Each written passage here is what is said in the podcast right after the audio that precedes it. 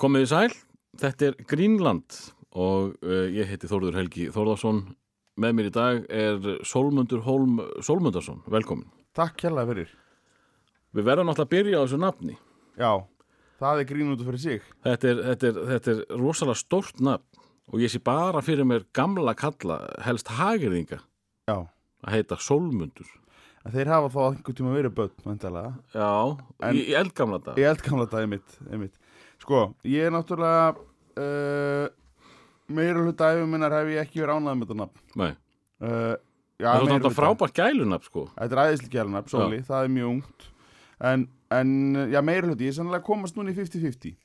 Ég, ég held að fyrstu svona 15 árin hafi ég ekkert verið ánægð með þetta nafn. Nei, 15 til 17 árin af því að þetta er, þetta er rosalega sérstætt nafn og var að fekk alltaf viðbröð svona, þegar maður sagði hvað maður heiti þú veist, þegar þú segir sitt að Þorður þá, þá er ekkit meir um það. Nei, nei, það að ég komið. myndur allir segja, segja alltaf Þorður heitur þið Þorður veitu hvað, já, ég hef aldrei heyrt það áður. Og þú heyrir þetta einhvern, einasta skipti sem segir hvað þú heitir. Já, þetta er óþólandi, gjörsamlega sérstaklega á 15 ára og það er nóg fyrir að segja bara, eh, þetta er sjónumundir þú veist þú bara, ha?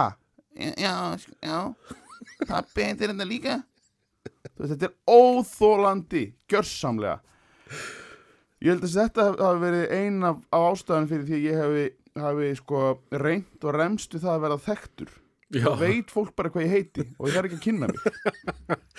En náttúrulega þegar þú kynnið þið sem sóli þá ertu bara strax orðin hipp og cool. Í allavega öðruvísi. Já, ég menna, úst Mér varst alltaf, þetta að passa svolítið vel að ég væri svona gay hárgríslu maður Sóli? Á, veistu það, Sóli, það er engin betri að lita heldur en Sóli. Og helst smámælt. Já, já eitthvað svo leið, sko. Nei, alvöru, veistu það, háraður, það er, það er ræðild að sjá það. Fara til Sóla, hann bjargar þessu. Það er svolítið mikið til í þú er er greinlega pælt í nafninu. Já, ég hef, alltaf verið frekar meðvitaður um allt, sko. Þannig að, þannig að, já, ég hef pælt mikið En, ég, en, ég, en hafandi sagt þetta, þá er ég geðvikt ánægð með nafnum mitt í dag, sko. Já, nú er það náttúrulega, náttúrulega, er svo stert nafn.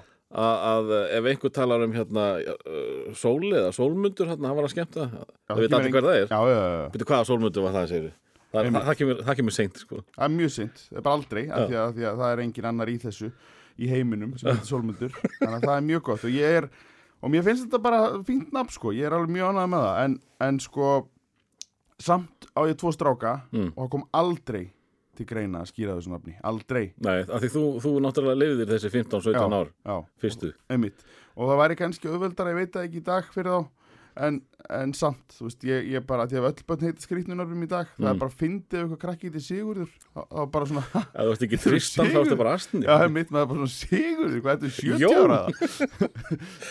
Já, en, en hérna það er náttúrulega möguleiki þegar þú ert vantarlega upp á þetta versta nafnalega séð, 14 ára. Mm. er ekki hægt að skipta náttúrulega maður fermist? Jú, eh, eitthvað í því? ég var miklu meira að pæla í þessu svona 6 ára. Já, já, að Því að um, ég var svo stressaður, talaði um mömmu kvöldaðurinn byrjaði í skólanum. Ég bara, "Ah, það er allir eftir að hlæja því hvað ég heiti sko.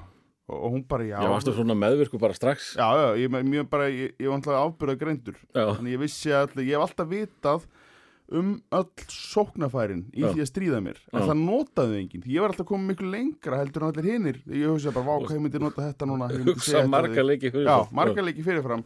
En ég slapp ótrúlega vel við stríðni út af nafni, það var bara einhverju lúðar sem að reyndu það veist, og þeir, þeir bytta ekki á því. Þú varst ekki með nú vel gefnu fólki í, í skóla? Nei, nákvæmlega og það var bara ef einhver, einhver reyndi eitthvað það var það svo rosalega lélegt að það bara sprakk í andlitið þeim. Þannig að ég slapp mjög vel. En ég mani mitt þetta kvöldi fyrir skólan þá voru við mamma að pæla hvort að ekki mamma var ekki að pæla í en alltaf hún var að velta þessu upp hvort ég ætti að breyta um nafn alltaf bara stríða mér sko. Mm.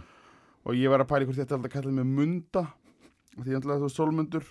Og mér fannst það svo asnalegt að að ég er ekkert kallað það ég það er ekkert ég. Nei, en svo einhvern veginn bara þú veist mér finnst mundi líka að vera alltaf gamalt kall sko. Já, vá, miklu eldri kall En þannig að þetta bara gekk og, og ég bara man ekki eftir því allavega í mínu svona nærum hverja mér hefur verið stríkt eitthvað alvarlega á nafninu sko. Hvenær kemur sóli?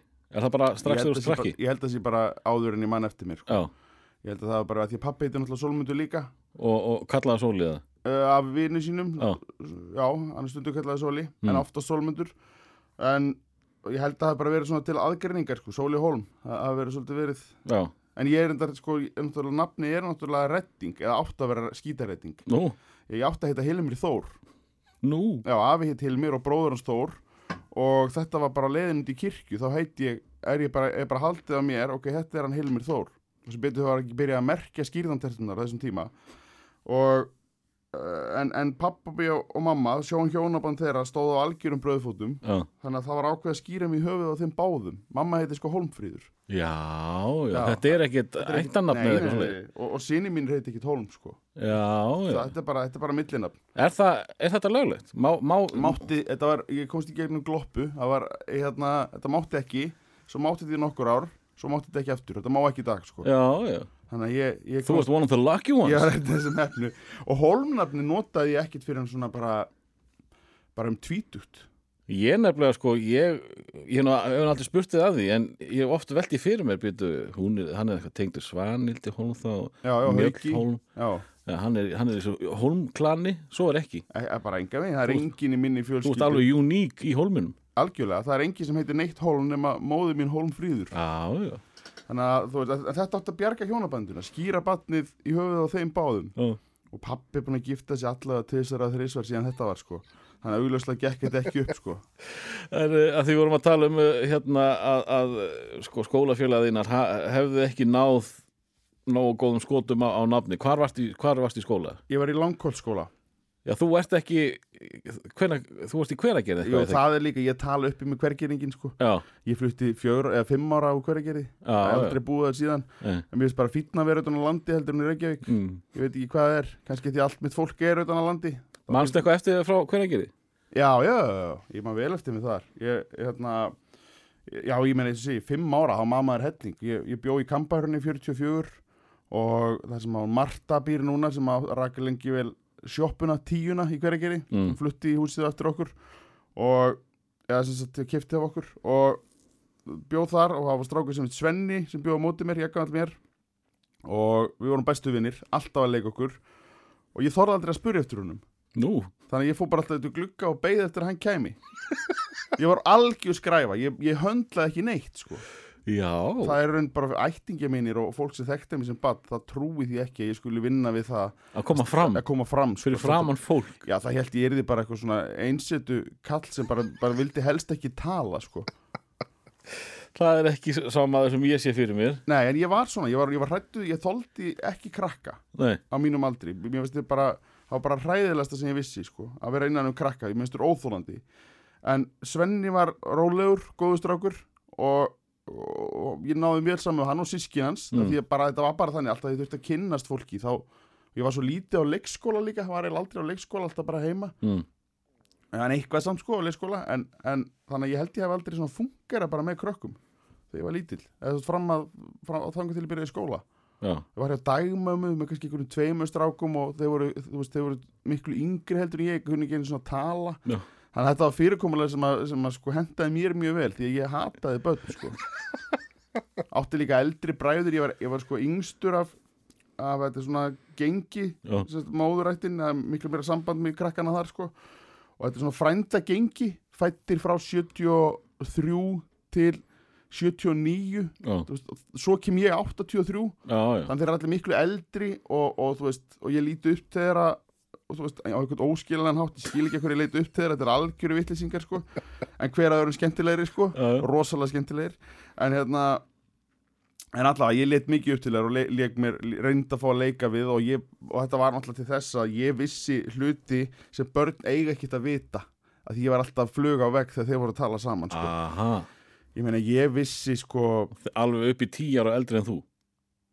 Já, Já. já, já, já, akkurat. Þannig að umræðefnin eru kannski ekkit mjög barnvæn á, bara á og veist, ég, nei alveg, þú veist, þetta er líka sko þú veist, ég er innan hérna, þú veist, flesti voru svona 6 til 7 ára eldri Já, og, og þú veist, þegar ég er 30 ára þá er þetta strákar sem eru 10 ára og þannig strákar eru farinir að tala bara um allan anskotan, ég tala nú ekki um á þessum árum sko, Já. og örgulega ekkit skári í dag. Nei, nei, þannig að, þannig að þú veist, maður var að ég, svo, ég fæ að nota orðið ríða, já, ég vissi hvað var að ríða þegar ég var svona 4 ára, en ég vissi ekki hvernig börnin eru til. Ok. Ég, veist, og ég hérna að því ég manna nákarna konan okkar var það ólétt og ég hugsaði, sú hefur borðað kjötbólum með en ég vissi en, sko, en ég vissi að kall og kona, ég vissi ekki kannski að það var að, að, að sko, samina líka með sína á þann hátt sem gert er, en ég vissi alltaf að maðurinn legði stóna á konuna sko. Já, og, og svo komst maður því setna að það er til fjölmargar aðrar aðferði sko. Já, en uh, sem sagt þessi uh, leikvimi var að ríða kall ja, leg, leggstón og konu konu, það Já. er að ríða sko. En uh, þú vissir ekki hvað gerist í framhaldi Nei og ég vissi Sem raun er gott. ekki, ekki að þarna væri, væri hérna, stautur sem færi inn Nei, í inn í við skulum ekkert fara endilega. akkurat. uh, En uh, sko, þú ferði í bæinn þá uh, Við skilnað við skilnað Já, uh, ja, mamma og pappi skilið hefði fjögra og við búum í eitt ári í, í kamparhörnunu Mm. Svo förum við í, í Reykjavík, til Reykjavíkur og þú byrjar í skóla uh, sex ára eins og kannski flestir Já, ég var ekki svo tregur uh, hérna, og hvernig var það? Þú talar um að hafa verið bara hrættu við börn, við börn uh, breytist það hann leið eða? Já, svo það er bara svolítið fyndið að ég man ég fór í umferðaskóla nokkur um vikum áður Mm. og það var hræðilegu tími, sko Áttir að segja hvað ég hétu og svo kom að mér og ég bara hristi hausinn, bara nei, ég er ekki að fara að segja það. Og stráka þetta var svona segðu hvað heitir, ég var með bróðum með mér sko, svona Já. sex árum eldri. Bara segðu hvað heitir og var að springa úr hlátri sko. Og ég bara nei, ég vil ekki að segja hvað ég heiti. Ég vil ekki að gera það, hann er bara svona ok, næsti.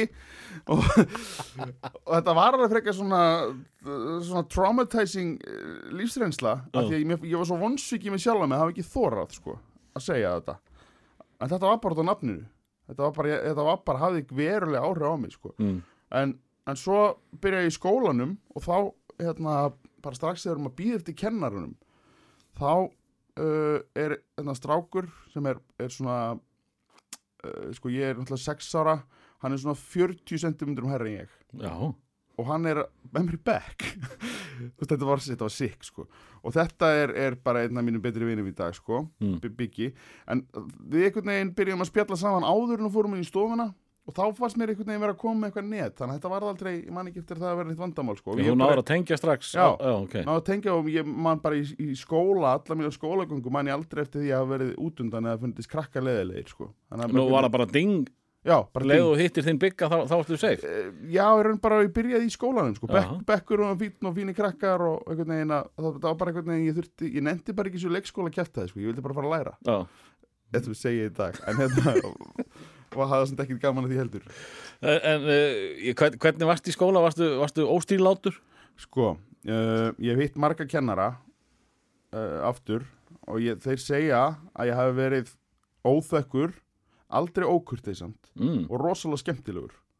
Ég fannst þeim þú Já, mjög sér þeir fannst skemmtileg ég mjög skemmtilegur. Já, var ekki aldrei- að gera þig bara að fyndi fyrir krakkana? Nei, nei, ég var með fínt efni. Ég var með mjög fínt efni. Ég var með mjög breiðan sem höfðu til breiðis hóps Já, þú, já, þú varst að byrja að æfa snemma. Já, já, og ég var alltaf, þú veist Og ég var ekkit svona, ég var aldrei dónalegur Ókurtis að dónalegur við kennarana. Þannig að, þú veist, þetta var meira bara svona, þú veist au- Auðvitað er það, jú, það er svona dóni Það skal bara ókurtis að þeir ekki mm Mhm. -hmm. Ég er beðin um það En ég var aldrei að svara með neinum leiðindum Eða hortuheitum eða eitthvað svoleiði, sko. Þannig að Þannig að sko þeir kunnu vel við mig en þeir vissu bara hann getur ekki þagað. Þetta er bara, þetta er bara þau þau þekkja þessa típur sko. Mm en það sem var svolítið magna var það að, að og hef bara svolítið fyllt mér í gegnum tíðina að ef það var einhver óþægari með mér í back sem var með læti eða svona grínari, þá var ég alltaf þægur. Já, að því ég var aldrei, ég var aldrei slegist um aðtiklina það er bara einhvern veginn, ég fer bara í lás frekar. Ef ég er með einhverjum sem er ógeðslega fyndin og með svona læti þá segir ég bara ekki neitt. Því ég fer aldrei í keppni. já, þú bara, ok, hann er betri en ég. Ég, eða bara, þú veist, uh, þetta er bara stríð sem þú vinnur ekki, sko. Já, þú veist, það er einhvern veginn að fara og það líka er ekkert fyndið að reyna að vera með meiri læti eða Mm. með meira fyndið. Frekar býð ég bara hann til allir sestir sko. Og, og, og þú veist, allir eru þreyttir. Þá er svona, ok, nú kveiki ég á mér. En ef það var enginn sem tók það að sér að vera grínarinn í bekknum, þá, þá verður mín erfiðustu skóla á, sko, að þá var ég þá var vest fyrir kennarana, þá þurfti ég að að taka þetta að mér. Já, já. Skemmtileg pæling. Já, þetta, þetta, er bara, þetta er alltaf fyllt mér Þetta er bara, ég held að það sínt sér kannski svolítið best í því þegar ég fór í viðtal hjá Gísla Martini með Ágústu Ef og Jóhannes Hauki. Já, Ég saði ekki neitt þau, þau voru bara að tala. Og það, veist, þá, bara, þá fer ég ekki að, að slást um, um aðteklina sko. það var nú annað þeirra sem að sá eiginlega um að tala fyrir Já. alla. Já, ég er að segja það. Já, og þú veist, þegar það er eitt þannig þá ekki segi ég ekki neitt. Og mér finnst líka bara gaman að hlusta. Mm -hmm, en, en sko svona uh, barnaskóla árin uh, var þetta gaman, var, var þetta fínt? Já, mjög gaman. Ég, eins og þú Hva, segir- úst, Hvaða hverfi er þetta? Þetta er langkvölskverfi, þetta er hverfi 104 uh, langkvölsur sundin öll Já, já, það er og, og hérna, heimarnir reyndir Mm. að hluta til sem flestir, eh, svo fóru krakka líki í vóaskóla þar að hann sem er svolítið magnaðar ég bjóð langkvölsu í 100 og hotni álfheima og, og langkvölsuðar uh, árið sem ég verið 6 ára bekk. Flytt svo upp í Frostafold í Grafavogi Já, og þá reynda kemur svolítið inn á það að ég var ekkit fyrir að kynnast nýjum krökkum því ég neitaði að skipta um skóla. Og ég bara, mamma bara, ha? Ég bara, ég ætla ekki að fara í hann skóla. Og þannig að hún kerði mig Býttu stjórnaði þú heimilinu bara strax ég, já, ég meni, ég var hálfgert einbyrni skilur, ég er sex já. árum yngri en næsti og einsta móðir og, og, og ég var kurteis frekja. Uh, en, en, en sko það, það var reyndar, reyndar mér til varnar, þá vildi mamma eiginlega helst ég er það eins áfram að það var skóla dagheimili hjá langskóla, Já, já, sem er þannig að, að þú hérna fyrir skilnaðabötn, í dag eru öll bötn í gæslu eftir skóla. Einmitt. Þetta voru bara skilnaðaböld á þessum tíma. Það voru, voru allir, eins og mamma sagði, það, ég kom heim og ég sagði mamma, það eru allir skildir á skóla. Og hún bara skildir? Þá var ég náttúrulega meira, það var allir, allir, allir fóreldar sem væri búin að skilja. Og, og ég var svolítið upptekinn af því að við værum skilin sko. og, og ég tala alltaf um að við mamma værum skilin. Já, já, við, hérna, eins og einhvern tíma kom einhver, einhver svona votta ég hóa bókasölumæður heim. Mm. Eh, nei, þetta er okkur bóksölu, bóksölumæður. Og hérna og spurði hérna já, góðan kvöldi, er húsbundin á heimilinu heima? Þetta ætla með enginn gera þetta í dag sko. Og, og, og ég bara nei, við mamma erum ekki með neitt svoleiðis, við erum skilin. Þú var vantalega að losna við gaurinu já, já, mamma heyrði þetta bara inn á stofu og bara sprakk úr hlátri og kom ekki neitt sko. Bara ég var mjög dramatísku með þetta. En, en sem sagt í þessi en ég var alltaf þess, fór bara alltaf í skólan mamma bjór vandrættar í ráðhúsinu í Reykjavík þannig að hún kerði mig í skólana í leiðinni þú veist Mm. úr gráinum, þannig að þetta henda henni mjög vel. Og sótti mig svo bara eftir vinnu þannig að þetta var best fyrir hann að ég vera langur skóla Þannig að það vinnu dagslega séð hjá henni, þá var þetta bara miklu betra. miklu, já, Já. ok. Uh, og ég, ég náttúrulega bara fagnaði þessu og er ætla eitt árið að fara í fólkdaskóla mm. og var bara búin út það og mamma var svona búin að gera mig inn á það. Svo kemur hún að sækja mig fyrsta skóladaginn ég held ég sé fyrir fólkdaskóla og þá segir hún, þá var ég nýja ára eða eitthvað. Bara ef ekki bara að fara í langar skóla. Og ég bara, jú, jú, jú. Veist, þannig að ég, ég var og þannig að ég, ég sko, svo flutti ég á Sogaveg 95, þá var ég 12 ára. Mm. en ég bjóð sem sagt á í langkólskverfinu í fyrsta og tíundabekk það var sem alltaf í sama skóla en þetta var svolítið steikt sko. Að maður, maður sérstaklega ef maður búið hættur á þessu skóladagheimili þá fóð maður svona stundum bara heim og bara hangaði eitthvað eitt því ég þekkti eitthvað krakki Grafói en svo reynda fó, fljótlega fór ég að hengja mig mitt á, á, á hérna, téðan bygga vinn minn og var heima hjá honum bara í alla daga. Sem er þá í langur skverjunu, eða ekki? Já, jú, það var, Hvernig, hvernig, sko, hvernig gekk það upp? Uh, allir skólafélagarnir langt frá þér uh, og þú náður ekki sambandi við gráin Áttu, áttu þér enga vinnið að kunningja þar á þessum tíma? Nei, ég leik mig kannski yngri krakka Já, Ég leik mig svona, þú veist, þess að ég held bara þegar ég flutti þarna sjö ára þá hefur ég bara leikað í strák sem var bara þryggjára eða eitthvað sko. Þú veist að ég, ég vildi ekkit, ég átti erfitt með að ég þorði ekkit að fara í efnaldarna sko. Þannig ég var bara alltaf að leika við eitthvað þryggjára strák og, og svo var leikið leiki með Jú, voru alveg einhverju krakkar hérna í blokkunum í kring, sko, sem ég leik mig við úti, sem ég hafði kynst, sko, mm, en, en þeir voru á allum aldri, stelpur og strákar, sko. já. Þannig að þetta var engin svona, svona kannasnáli við einhverju aður í dag. já, þú veist ekki í sambandi við Nei, nei, nei, nei, ekki þannig sko Nei. Vinnur á Facebook kannski Ok uh, uh, Þú veist lang yngstur hve- hvernig var heimilislífið uh, með einstæða móður? uh, Það var bara mjög gott sko Þetta var, þetta var reglur Hvað voru þið mörgi heimili þegar að Við vorum, vorum eiginlega aldrei fleiri en þrjú sko. Uh, Jú, stundum voru við, voru við fjögur. Að Ég á bræður sem eru sex og, og níu árum eldri. Mm. Úr þessu, svo ég Hálbróður sem er, er sex árum yngri sem pappi á. Mm. en, en hérna uh, En þannig erum við Þú veist, yfirleitt bjó annar bróðir en einhver annar staðar sko, Mm. var að vinna einhver staðar og eitthvað svona Þannig, en jú, stundum vorum við, vorum við aldrei meira en fjögur, má mátti kannski kærast að einhver tíman, mm, veist, það var stóð nú sem veitum fyrir yfirleitt stutt, sko, en, en hérna, þá vorum við kannski mestalagi fimm, sko. En oftast voru þetta bara ég, mamma og, og Siggi bróðir, sko. og, og hérna, hann er þá vantarlega sex árum eldri. Já. Eh, er það ekki svolítið erfitt að tengjast? Nei, málið er að, að hann er svona grallari sko, vittlisingur og var rosalega lítill já, já, smávaksin þá rosalega smá, ég mun að tala um það að fermingafutin hans voru jólafutin mín árið eftir sko. Ég alveg, hann var 1.41 þegar hann femtist já, sko, átt ára sonu minn er bara það núna sko, Einmitt. en nýjára sig hann er bara, já, hann, þetta var, hann var rosalega lítill.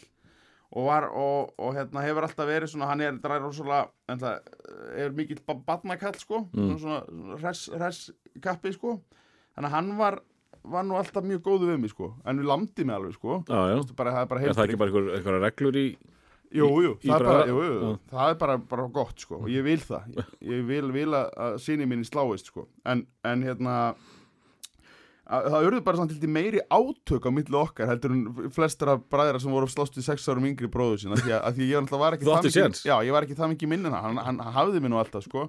En, en þú veist, ég held að það vera miklu meiri miklu skemmtilegri barátta heldur en heldur en hjá öðrum, öðrum sem áttu, áttu sex árum yngri bræður en, en eh, sko, að því að hann er þetta mikið eldri, hafði hann einhver áhrif tónlistarlega Já, hann hafði tónlistulega áhrif uh, Þeir reynda að hlusta mikið á þungarokk var hann þungar okkur? Já, hlusta mikið á þeim tíma og var alltaf mertur að ég var alltaf mertur einhver hljómsveitin líka Nú, og, já, og, varst þú að teika þungar okkið? Ég hlustaði ekki á það En, en mér fannst Þetta bara töff já. já. bara mjög töff Og, hérna, og, og var í mertur og, og, og krafanabla því að mamma mitt var einstað Hún er alltaf verið svona svolítið, sko, svolítið lúsa á því sko. Hún Mm. har ekkert verið, verið hérna, aldrei sett mann einhverja stífa reglur sko. mm. og þannig að þegar bróðum fekk að snóða sig en skilja toppin eftir þá fekk ég að gera líka, bara 6-7 ára sko og, og þú veist, strákanir í bekknum og árgangnum voru bara, wow, fekkst að gera þetta því hérna maðurinn bara voru, nei ég er ekki að fara að láta barnið mitt lítið út þessu einhvern, gamlan pöngara sko. Ég veit ekki hvað þetta kallaðist á þessum tíma. Þannig að, þannig að ég fekk að gera þessa hluti og var mertur hérna, Anthrax og Guns N' Roses Byrju, og þetta, eitthvað þetta er þá að gerast í kringum 90 svona. eða já, já, svoleiðis? 90, einmitt. Þetta er, þetta er Snóðaði með topp. Snóða með topp. Ég sé þetta ekki, eh, sko, þetta mikið í tísku á þessum tíma. Nei, það var ekki Þetta ég, var svolítið tveir eða eitthvað? Uh, Þetta var svona Þetta voru villingarnir. Já, Villingarnir voru í þessu. Og þetta var náttúrulega, þú veist, á þessum tíma var Var, var bróður minn svona grallari Skilur, Mm. og hann, hann kveikti í ruslageimslunni í, í hérna langurskóla Ég var með í því. Þú varst með Já, já, sex árum sex ára. Og var, var hérna, vitorsmaður Af því ég, ég hérna, þeir, hann og vinur hans til að drepa mig Ef ég myndi segja frá. Já, Hann auðvitað sagði ég engu frá þessu. Mhm svo kemur mamma, hann sást til þeirra og eitthvað svona og þetta komstu upp og mamma bara verið býtu, hérna vissið þú þetta? Ég bara, já, já Akkur sagður mér ekki, þeir svo alltaf að drepa mig Þú veist hvað heldur ég vil ekki lifa eða? Þannig að þetta var uh, já, hann að maður svona lendi í ymsu sko en ekki, eða veist, en heimilisaldi var mjög, mjög gott sko Já. og mikil regla, mamma er rosaleg þú veist, hún er ekki nota valla áfengi sko Já. og, og allt svo leið sko þannig að það harðasta sem var á mínu heimili voru sígarettur mm. og hérna já ég bara, ég, ég held ég hafi verið ekkert út á svona þegar ég horfið tilbaka þú veist, ég held að fara allir gegnum eitthvað tímabil sem þeir hugsaði vilji laga eitthvað við uppeldið sitt, hefðu gert eitthvað öðru í sig eitthvað svona, Mm. en ég held að sé bara enginn sem var fullkomið uppeldi Mm. Þannig að ég er bara mjög sáttur við, við mína æsku sko á mínu heimili sko. Ég hefði, ef ég mátt breyta einhver þá hefði ég viljað búa í langkvölskverjunu öll árin. Já, allan tíma Já. Já. ég hefði viljað það. Uh, en uh, að þurfum að tala um uh, móður og, og eldri bróður hérna var mikið tónlist á heimilinu? Nú spilað þú á gítar var, var, einhver að, spila á hljóðfæri? Nei, bróðum mér fekk gítar í fermingagjöf lærði eitthvað þrjú grip og hætti svo. Já, uh, mamma var með reynginningatónlist sem var alltaf svo sama alltaf, þá var villi vill það var vilju vil alltaf, þannig að ég svona, er svona sjö ára þá kann ég alla texta með vilja vill þegar ég kynnist þér fyrir nokkrum árum síðan þá Já. var vola lítið annað en villi vil og Pálmi Gunn sem kom til Já, greina hjá þér sko. Pálmi Gunnars kemur sko, mamma hefur aldrei verið neitt eitthvað rosalegu Pálmafann sko, ekki það mótunum, hún hefur ekkert verið eitthvað sjúki en það er aðalega Bjöggi, Haldós og, og Villi já, sem eru, eru hennar svona idol. En Pálma held ég að ég hef svolítið fara að stúdera meira sjálfur eftir að fara að herma eftir húnum já, ég skilði ég held að vera meira, en reyndar þú veist á rauði ljósi það var mitt uppáhaldslag þegar ég var svona þryggja fjórar sko. já, það,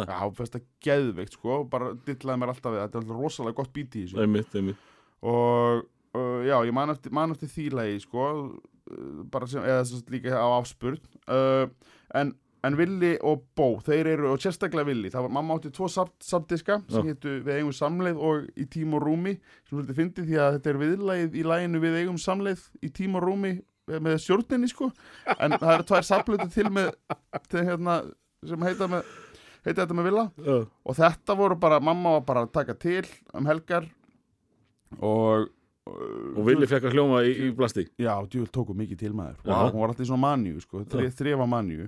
Og það var bara alltaf þetta og, og, og vilja á fullu blast og ég er sitjandi að horfa á hérna, NBA action eða eitthvað svoleið, sko.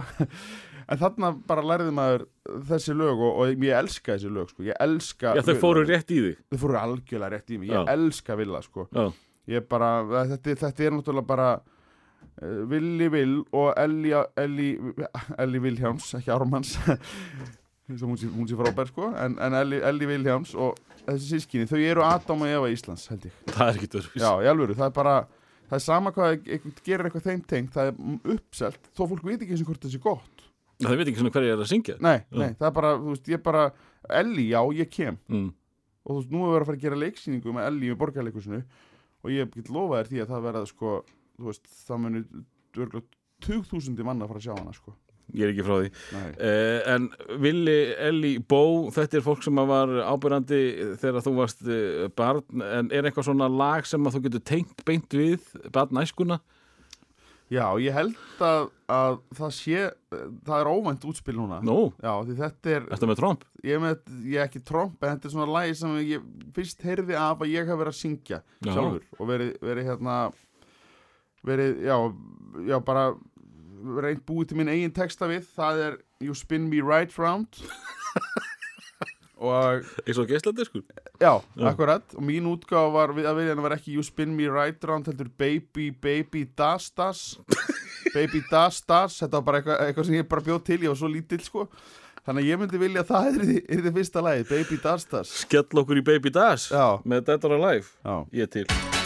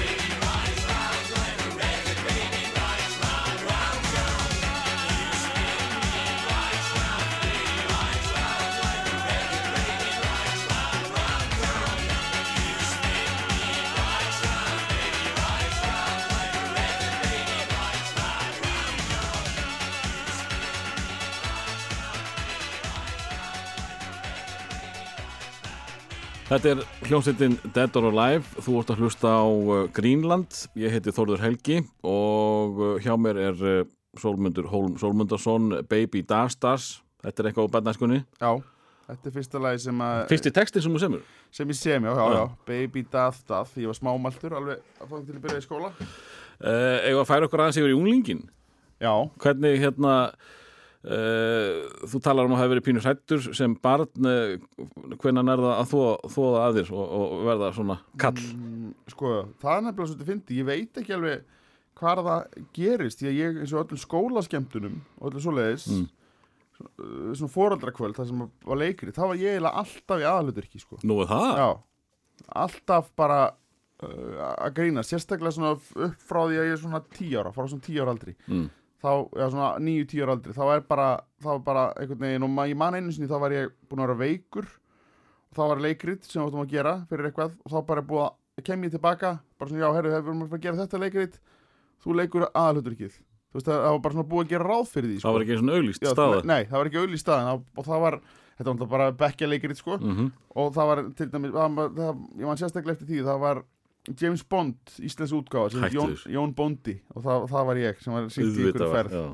það var örgulega alveg skelfilegt en, það var hlegið það, ég man það, þá foreldrarnir hló alltaf mikið sko. Já, veist, ég var að leika Geir Horti og einhverja fleiri sínum tíma sko Já, já. Þannig, og, og ég man eftir því sennilega var svæsnasta atriði það var, það við með svona skuggamynd og var bara viðtalsáttur sem muni ekki mannst þá þáttur sem heit Ó á sínum tíma jú, sem var með. Markusi og, og Já. Dóratakja Fúsa og, og, og þetta var viðtala sem ég leik Geir Horti og, og, bara spullum eitthvað, bara engin ekkert samhengi Mm. og, það þótti voða fyndið en þetta var bara ræðilegt sko og endaði því að bara já, nú er atriði og þá fóru Geir Horti og sem sagt, það sem átt að leika Markus í bakvið skuggamynd þú veist, við erum 11 ára sko 11-12 ára gömul, Mm. bakvið skuggamynd og við erum að dansa svo allt í einu tekur annar þeirra sem var Geir Horti sem, Geir Hornus var hann kallaður í, í leikritinu ekki Geir það, en það var, var, var undir áhrifum frá honum hann Mm. tekur, þá var ég með banana í vasanum og móta þá bara komið titlingur í skuggamyndina bara reysa stór og hann rekur hann inn í inn í, í Markús? dansaran, já, dansaran það er bara, svo bara búið, þetta var á foreldrakvöldi sko. 11 ára gaman já, og, og ég man að bróði minn sem er sko fætti 74 Já. sem var þarna þá hann hefur verið svona 19-20 ára og hann bara, hann hló svo mikið. Og hann bara trúði ekki. Hann, bara því sem hann var að sjá, þetta er foreldrakvöld og allt í henni kemur banani og þeir bara, þeir bara og, sem bara er í skuggamyndinni bara tróðið inn í afturöndan sko. og, og hvernig var salurinn? Var, var hlóu Var- allir. Allir var Nú, geðið nú var það ekki svona Nei, nei, nei, nei, þetta var bara svona, æ, þessi krakkar, þetta er ekki í lægi með þetta. Ég held að við höfum kannski verið búin að svona undirbúa undirbúa svolítið. já, ég held að myndi slá þögn á einhverja sali við, við þetta loka atriði Þetta er bara, þú veist, ef ég myndi fara að sjá þetta á sinni mínum, þú ert að vera brjála ég menn hann er nýjára, bara eftir tvö ára eða eitthvað, þú veist, ég myndi bara fá áfall, sko. En þetta fannst okkur og það er líka sko eins og, eins og bróðum ég saði, bananin leit bara út eins og titlingur, sko. Já. Þetta, þetta var svo raunverulegt, sko. Þetta var, þetta, þetta er bara sjúkt, en þetta var sem sagt fór í stofu 5 í, í langkvöldsskóla, sennilega svona, já, 90 94, 5 og hvað hérna var ekki kennari yfir ykkur þegar við voru að semja þetta? Ekki þegar vorum að æfa þennan hluta held ég. ég veit ekki til þess sko. Þetta var ballett sem endaði á þessu. Já, já, já, já. Og ég, já, Þannig að þetta var ekki aldrei ballett við kunnum ekki ballett. Geggjað atriðin Já. geggjað atriði. En það er þannig að þú veist, ég man að ég hefur alltaf komin út í skelinni á þessum tíma heldur betur. Já, Og ólingsárin eru, eru mjög fínreinda náttúrulega Þegar þú ert í sjönda að Því að ég var langkurskóla fóð maður í sjönda bekk upp í ólingadelt Mm. Ekki í áttunda Mm. Og það var geðvikt Sko, var það mikil breyting varstu Já. það bara alveg nýr maður Já, þetta var geðvikt, geðvikt, bara að fara þarna og, og rosalega mikið að sætum stelpum í tíundabæk, sko.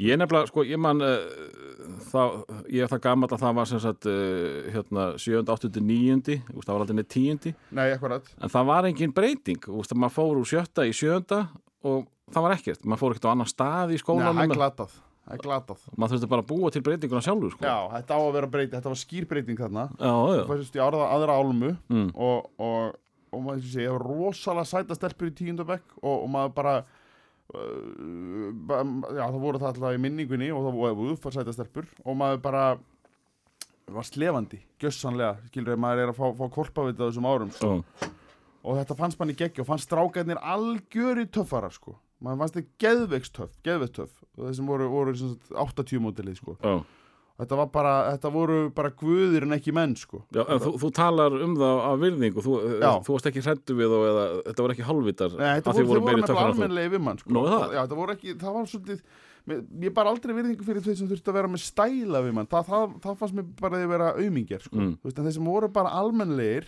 þeir voru, að- og, og þetta voru, allt, þetta voru svo miklu töffara þeir þurfti ekki vera á okkur í sjöndabæk, sko. Ekki og, og, og stelpunar geðvitt sætar og þetta var bara svo alltaf þú veist, fannst manni hérna, árgangarnir sem komu nær manni ekki vera merkilegri, þú veist ég man það alltaf, níundu bekkur, 81 árgangur mann fannst hann ekkit eins flottur og, og hvað þá 82 árgangurinn, þú veist, bara Það var bara ári, beint á ári, eldri, það, var- það, var, þú veist, það voru bara krakkar sem voru náttúrulega gamlir og maður sjálfur, Já. maður bara eh, leita ekki upp til þeirra.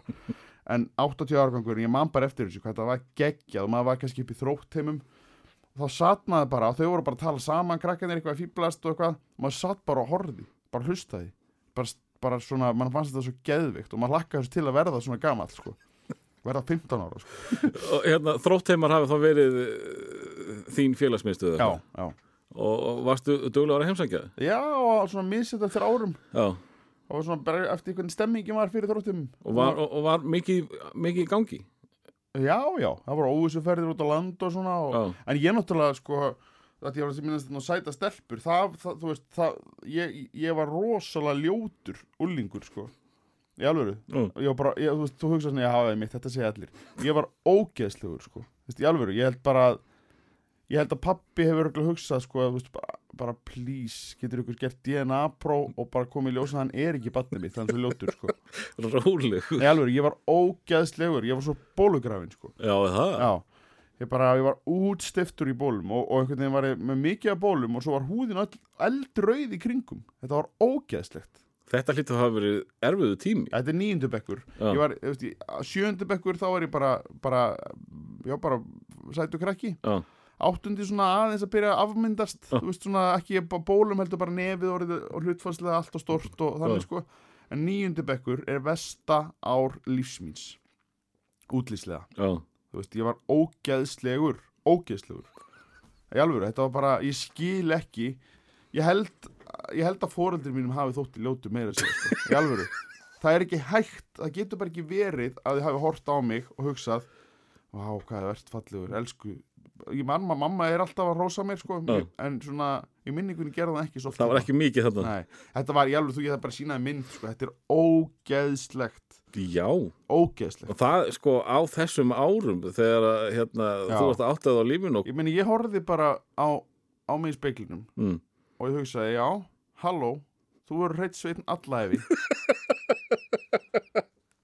og þetta, þetta er ekki einu sinni grín, ég hugsaði þetta sko. Já, og, en það sem, að, það sem að finnast það öllu er að það sem að veitti mig von mm, það var ekkert um heimi á ömmu og, var, og svo var þetta alltaf að vera að ræða bólutnar rosalegt slæmur í húðinni. Mm. og einhver, frængur, bara svona þú hafði rosalega gaman nú, er það? Heldur að ég þú veist, ég, ég vildi ekki fara fram úr í morgun út af þessum bólum.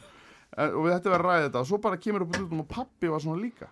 Já, alveg útstiftur maður. Og, og, og ég fer svona að ræða þetta við pappa bara, heyrðu, hvað segir, varst þú með svona mikið að bólum með það? Hann er, hann er ekki einu sem er ör eða neitt, Mm. skilur, bara eins og ég og, og ég bara, hvað, varst þú? Hann bara, já, vá, ég man bara, ég var alveg hræðileg, ég man, ég horfði í speilin og hugsaði, þessi maður mun aldrei sofa hjá Já. ég bara svona, ég gerði það í gær yes þannig að þetta er náttúrulega, þú veist, þegar þú ert í nýjendabekk eða þú veist allavega ég, þetta var eina, veist, eina viðurkenningi sem ég þurfti að fá sko. það var að, að einhver stelpa myndi vilja vera með mér sko. og þetta hlýtur að hafa er verið hérna, sko, gott spark í rassin, sko, ég, ég er safe þetta, já, já, þetta mun rettast jú, tíundu bekku var strax skárri Já. það var le le leifar af bólunum en ekki svona hræðilegt sko, að ég, ég fór í sveitum sumar og var mikið úti Mm. í sólinni, þannig að hitin einhvern veginn brendi þetta í burtu sko.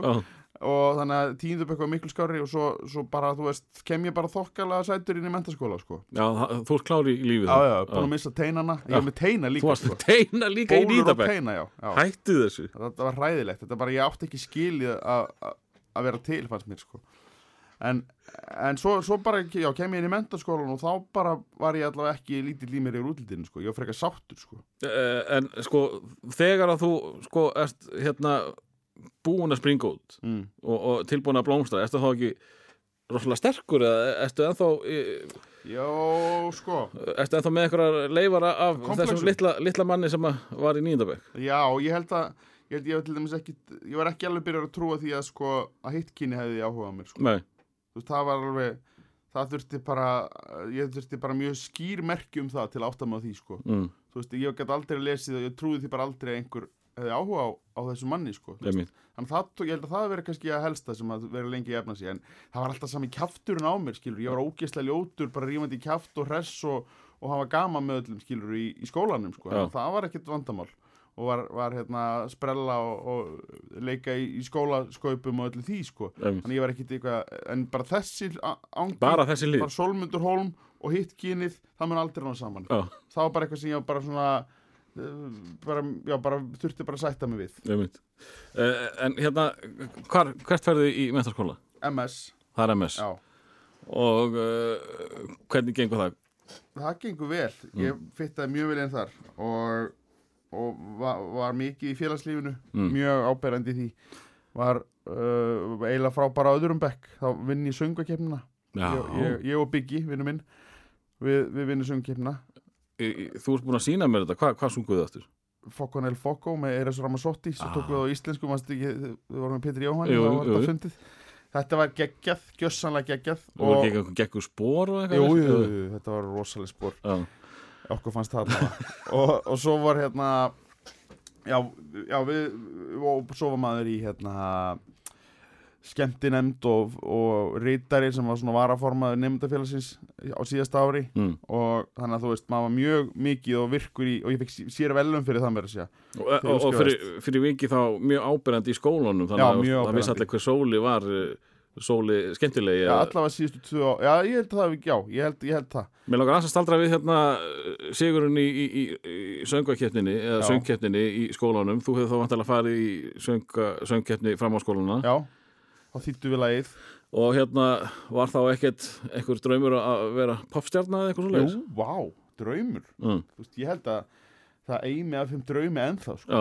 Veist, það hlutað mér vill bara vera ef ég mætti ráða þá væri ég ekki grínisti nei, þá væri ég tónlistamæður sem væri fyndin að, hérna, að fyndnið væri svona blúsin plúsin sko þannig að það, það, er, það væri en, en en þú ert næstu því, nú ertu ég- fyndningurinn sem getur sungið vel. Já, aðgjöla þú veist, ég, ég, ætla, en ég var- væri alveg til í að syngja miklu meira sko. Mm.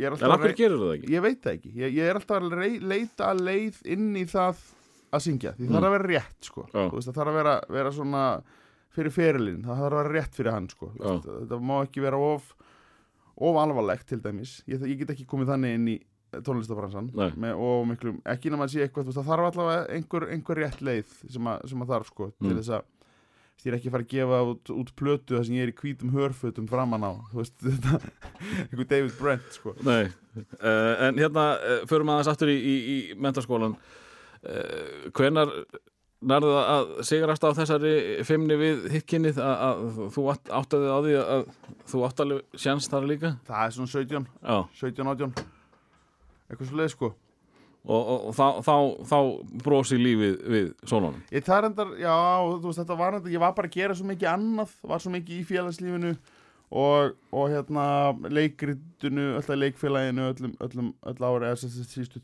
já, þrjú af fjórum árum og hérna, þannig að, þannig að sko, þetta var ekkit, lá ekkit það mikið á sáluna mér, en, en þú veist, það var bara fínt þegar að það var frá, mm. maður vissi að maður hefði séðans í stelpu líka. Ah. uh, og, hérna, og hvernig gekk í skólanum? Hmm, í skólanum, Já. það var af önnur saga sko. Félagslífið var, var, sko, hérna félagslífið tók svolítið mikið. Og, og það er svolítið sagan sem að flestir er að segja sem ég er að tala við. Já, þið sem að eru að standa upp á svið og fara með gaman mál þið höfðu ekki tíma til þess að, að gera of góða hluti í, í metaskóla já það, það er þannig og, og fyrir utan sögu náttúrulega garðas Já, hún gerir það. Að, var Já. rúlaðis öllu. Já, mitt það, það er held ég ekki mörgum fært að gera það sko. Uh, Ég uh, alltaf átt auðvöld með að læra. Mm. Mjög auðvöld með það. Þannig ég þurfti lítið að leggja á mig til þess að ná. Já, Ekki það, var, það var metnaðurinn bara ná. Allt yfir fimm var, var tími sem ég eitti og miklum tími sem, sem, og mikil tími sem ég eitti bækur. Já. það var bara í alvöru tali, ég fikk 5,8 í meðalengun á, á hérna, stúdinsprófi mm. og ég var svona bara hanskotin maður. Ég hefði kannski átt að fara í þarna. Þetta svo bara Óþar á átta þannig já, ég, nei, það var engin, jú, það var einhver átta það var einhver áttur. Nei, ég meina 0,8 já, 5,8 0,8, já, Já. einmitt. En, en sko já, þess svo bara útskrifaðist ég og það var bara stúdensveisla og ég bara, já, hér fær enginn eins og einhvernundar mínar. Það er yfirleitt í svona skýrteinið uppi. En það var gert þegar ég kláraði háskólan sko. Já, þannig að en, þá, þá að því ég, vissi, ég á mjög auðvelt með að læra og ef ég læra eitthvað þá, þá og ég er með gott minni en ég bara nefndi þessu enga megin og ég Nei. lagði ekkert á mig. Uh, í, bæði í háskólanum líka þá Jú, háskólanum ger ég það, sko, Já. þá er ég mjög tölugur En í, í mentaskóla, lagði ég ekkert á mig. Og, og fóstu beint í háskólanum í framhaldi? Bara eitt sumar og, og let's go? Nei, nei, nei, nei, Nei. Það, var, það var alveg Það var mikið, mikið leitað að sjálfu sér sko. Við að, að fá hérna eitt svona unglinga sólalag áður við förum uh, og skoðum hvað gerist eftir mentaskóla Já uh, Ég held ég fari ekki alveg í mentaskólan á þessum tíma Ég held ég fari frekar í úlingin Mhm. meira. Uh, Því ég held að velja lag af fyrstu plötunni sem ég kifti mig sjálfur. Fóð fó mig pening og kifti mig sjálfur.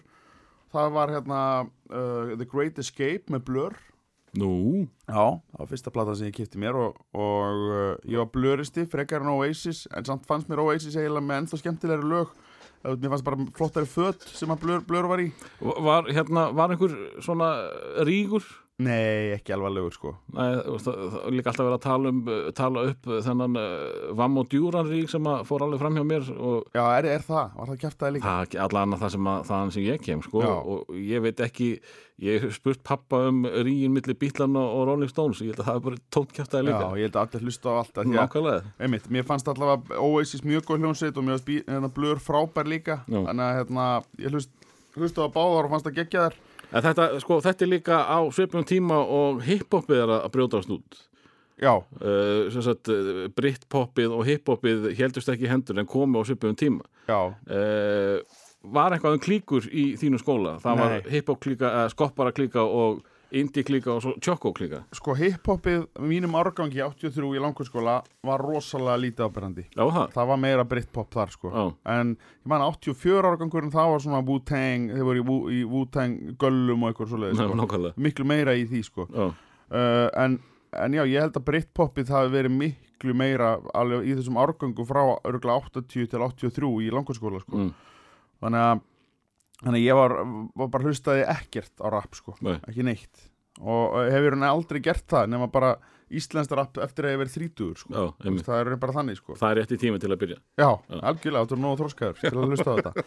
Til að skilja þetta. Já, en þannig að ég, ég hérna, ég velji laga þessari, þessari plötu. Mm Ég hugsa, taki, taki hérna Charmless Man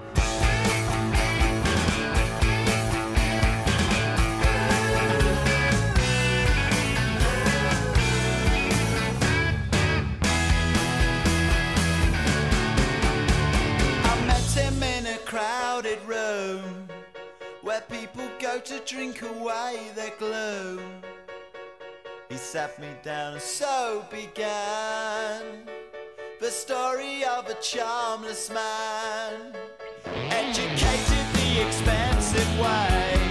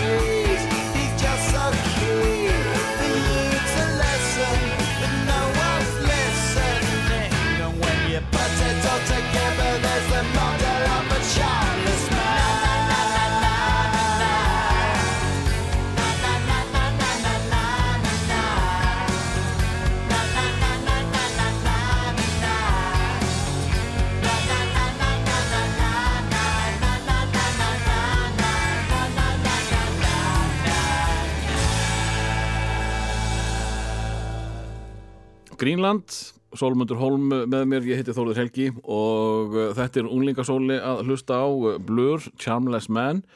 Á ekki við þig? Nei, Alls ekki. Ég er kannski liðið þannig þá Því að úlísar voru erfið Já, þetta, er, þetta er það snemma. Þú ert ekki, ekki búin að hérna, finna blómið Nei, vá, ég er en ekki heldur Þetta er en áður en ég verð ógeðslugur þú er ekki fara þá aftur. Nei, er, ég er svona, svona sjöndabekk Þannig að ég er alveg þokkalega sætur hérna sko. Já.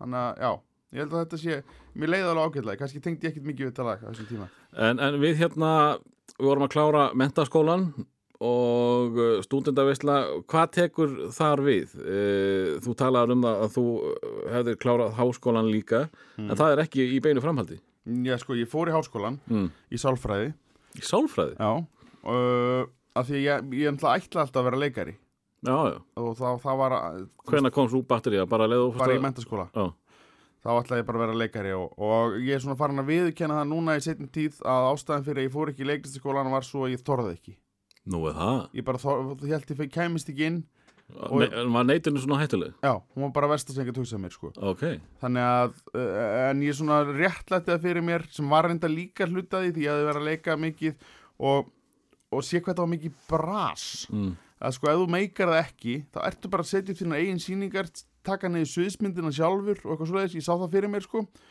Og ég bara var, að því var, var að leika í sýningu sem vorum að taka sviðsmyndina niður til þrjú um nóttina sko og eitthvað svona. Mm. og ég sagði bara, wow, ef ég lendi fyrir að læra þetta og lendi þessu sko. Þannig að þú veist, það var að, var að, hérna, að letja mig líka í þessu. En stóra máli var bara ég þorði ekki sko. Það bara það. Það eru margir sem að hafa eitt öllum tíma í þetta nám uh, uh, hérna í listaháskólanum já, og uh, hafa síðan bara aldrei leikið. Já, já, er bara bara smiðir eitthvað farið í bara eitthvað allt annað já, já, uh, haldið áfram að læra eða hvað þannig já, þannig að þú þarft að vera rosalega devoted ef þú ætlar að gera þetta almennilega. Einmitt og það var eitthvað sem ég held ég, held ég hefði ekki sko. Og uh, þannig að ég fór bara í sálfræði, hugsaði bara ég þarf ekki að þjenað mm og haft pening. Og fer í sálfræði og það er svona og er ógesla dölugur þannig að byrja að læra í raun fyrsti skipti síðan í, í hérna grunnskóla. Uh, og er þetta bara strax eftir sumarið í mentó? bara haustu 2003 Já, sko. Ok. Og uh, by- byrjaði bara rosalega dölugur að læra. Var í study group með hérna uh, lærdómshóp með, með Björt Ólafsdóttur þingmanni mm. og Kristínu Tómasdóttur hérna rittöfundi hérna, við vorum þrjú alltaf að læra saman í sálfræðinni og það var almenn sálfræði var svona flöskuháls sem er svona eins og, eins og er bara í, í, í svona síja nokkuð Já. skonar og við vorum rosalega dugleg að læra alltaf að lesa og, og náði almenni ekkert mál, komin inn þá bara sprakk ég sko þá bara var ég búin að, ég var ekki búin að læra í fjögur ár tek svo bara eitthvað trillingshaust og læra og læra og læri er þetta ein önn eða hvað? einun, já, Já. Og, og ja, bara eftir áramót þá kom rosalega leiðileg fög fögin, sko, eftir áramót í sálfræðin eru, eru vest, sko. Og mér fannst það allavega. Þá ertu búið með fyrsta ári. hennan flösku já, já, komin í gegn, sko. Og það var mikið fall, sko, mjög, mjög stórt hlutfall. En, en þá bara einhvern veginn var ég búið með það búin að vissi, ok, ég er ekki alveg ég myndi ég kunna að læra mm. og meika ekki meir, sko. Ég bara Va- gat ekki meir. Var, var bústið ekkert að, að komast í gegn þegar svona margir urðu eftir? ég held að er það. Og svo bara komið mér ekki í ganga aftur sko. Þannig að ég bara hætti svona með vorunu já, einhvern veginn að fóra, man ekki hvað ég fór að vinna eins jú, ég fór að vinna á elli heimili í afgerðslinni og uh, fór uh, svo að vinna í ríkinu í nokkra mánuði mm. og heiður hún upp á þá ringir Mikael Torfason í mig reitstjóri DFF Mm.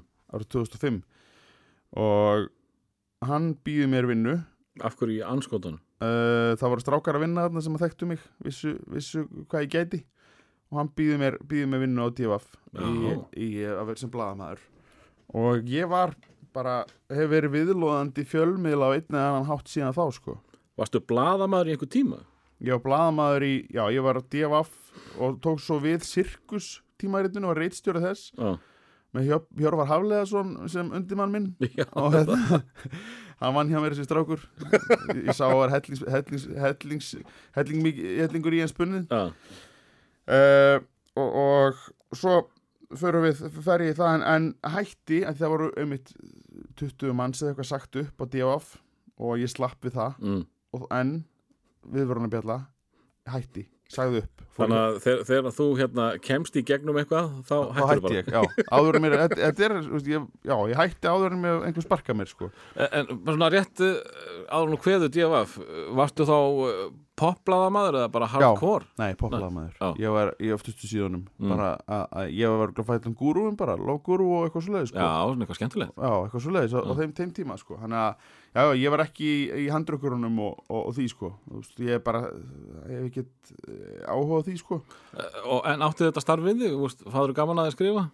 Já, ég, já, já, já. ég hef alltaf átt auðvöld með að skrifa og ég var, ég var, ég held ég að vera góður hérna, sko Mm. allavega þetta fyrsta sumar sko verið mjög, mjög góður í þessu uh, ég er bara 21 árs. Já, 20, 20, 21 ára að tvekja þannig að hérna þetta, þetta, ég hugsa allavega að fjölmiðlar er eitthvað sem ég verð að vera viðlóðandi sko. En er ekki gaman að vera blaðamaður, þetta ungur, uh, jú, þú ert í, í, í popriti, einhvers konar, fær þarna sirkusblæði sem að, já, var frekar vinsalt allan á tíma. Já, já, það var svona varst ekki helviti góður með þig? Jú, öruglega, ég, mér fannst ég, jú, alveg pottið sko. Já, mér, mér, fannst ég vera reitstjóri? já, mér fannst ég vera frægur sko. Já, en það vissi enginn hver ég var sko. Þetta var alveg pínu, pínu skrítið sko. Já, að því að á tímabili þá fannst mér alltaf vera miklu, miklu vera, vera þekktari heldur en ég var í raun sko. Og, og bara einhvern veginn að því að ég vissi hver ég var sko. Og mér allir að aðrætt að vita það. Og þú veist og það var alveg svona svolítið svona kom miklu setna sem ég átti og eftir löngu eftir að byrja að skemmta. Því ég fattaði bara bara vá, það eru geðveitt margir sem hafa ekki hugmyndu hver ég er og meiri hluti fólks hefur ekki hugmyndu hver ég er sko. Mm. þó þessi eitthvað lítill hópur sem vitið það sko. Þannig að ég fannst ég var rosalegu kall en fór hætti samt, sagði upp til þess að fara í, í hérna, viðskiptafræði í Já, háskólanum.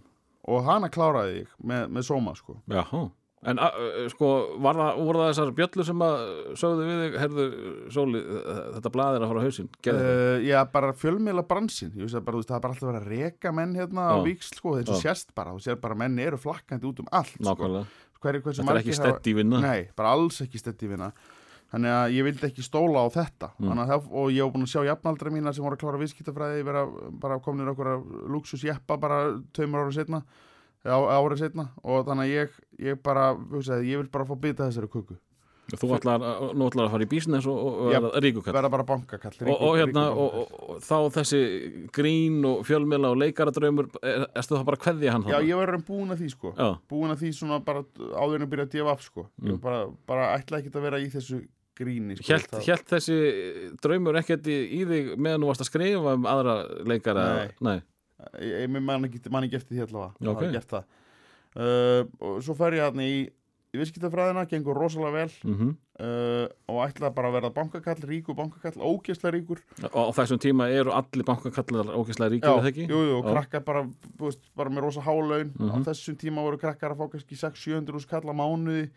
Þú veist, 2006-7 sko, Já. út úr skóla þau komið til skóla, mér veist það bara geggjað. Mm uh, þannig að þetta var bara eitthvað sem ég vildi gera og vildi fá þetta svo fer ég og svo er ég byrjað 2006 og svo hér varð svo hrun Mhm. haustið 2008 þá var ég hálft ár eftir og áttaði maður því náttúrulega áhugum minn snýrist bara um peningana hann var ekkert á fæginu sjálfur Nei. sko, veist, ekki þannig séð sko, það- mér gekk rosa vel að læra óttu auðvelt með þetta og þú veist, kann þetta vel en, en áhugin var ekki það mikill að ég vildi vinna í þessu fyrir lélega laun sko. Þa, já, þannig að það, það, gulrótin uh, var alltaf bara bunch of money. Já, uh, en Það getur- starfið sjálf kannski ekki það sexy.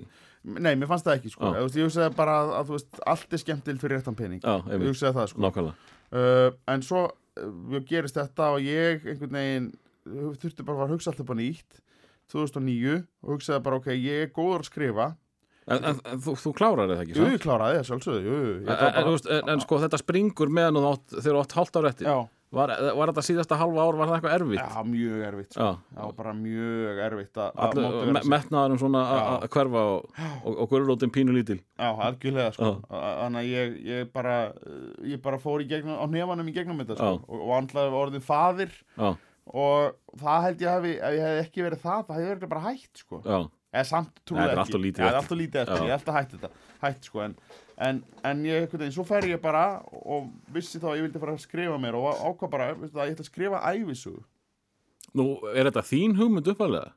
Já, sko uh, Já, hvernig, hvernig, er- hvernig, er- setur þú netin út? Uh, Mér langar að skrifa æfisugu Já, ég hugsaði bara, ég ætla að finna einhvern góðan karakter Mér langar að skrifa æfisug og ég hugsaði Gilvi Ægisson Ég er búin að taka mörg viðtölu hann Þá, þá hérna á DFF þá? Eða? Nei, á frettablaðin, ég vann á frettablaðin stundum á sumrin, þegar ég verið viðskiptafræðin Já, já. Þannig ég hætti aldrei almennilega Og ég svona, já, Gilvi maður, ég ætla, ég ætla Svo ringi Gilvi í mig, eitthvað einhverjum geisladiskum sem ætla að gefa mér einhverjum ævintýrum fyrir krakkana Mm. Og bara hérna, hann er þannig að koma að þeir skum og, og, og er að tala um þetta og, og ég bara, já, hann bara, hvað, er hvað er að frétta þér, hvað er þú að gera? Og ég sagði, ég er nú að klára hérna viðskiptafræði í háskólanum og svo langar mér bara að fara, fara að skrifa, kannski skrifa eitthvað, kannski æfisögu eða eitthvað svo leis, segi ég við hann og er Mm. alltaf bara, þú veist, við þorði ekki að spurja hann sko. Já, þa- það var samt komið í kollina þér Já, já, gera það, já, já, já. Þá sér hann, já, ok, Sverri Stormsker ætlar að gera mína.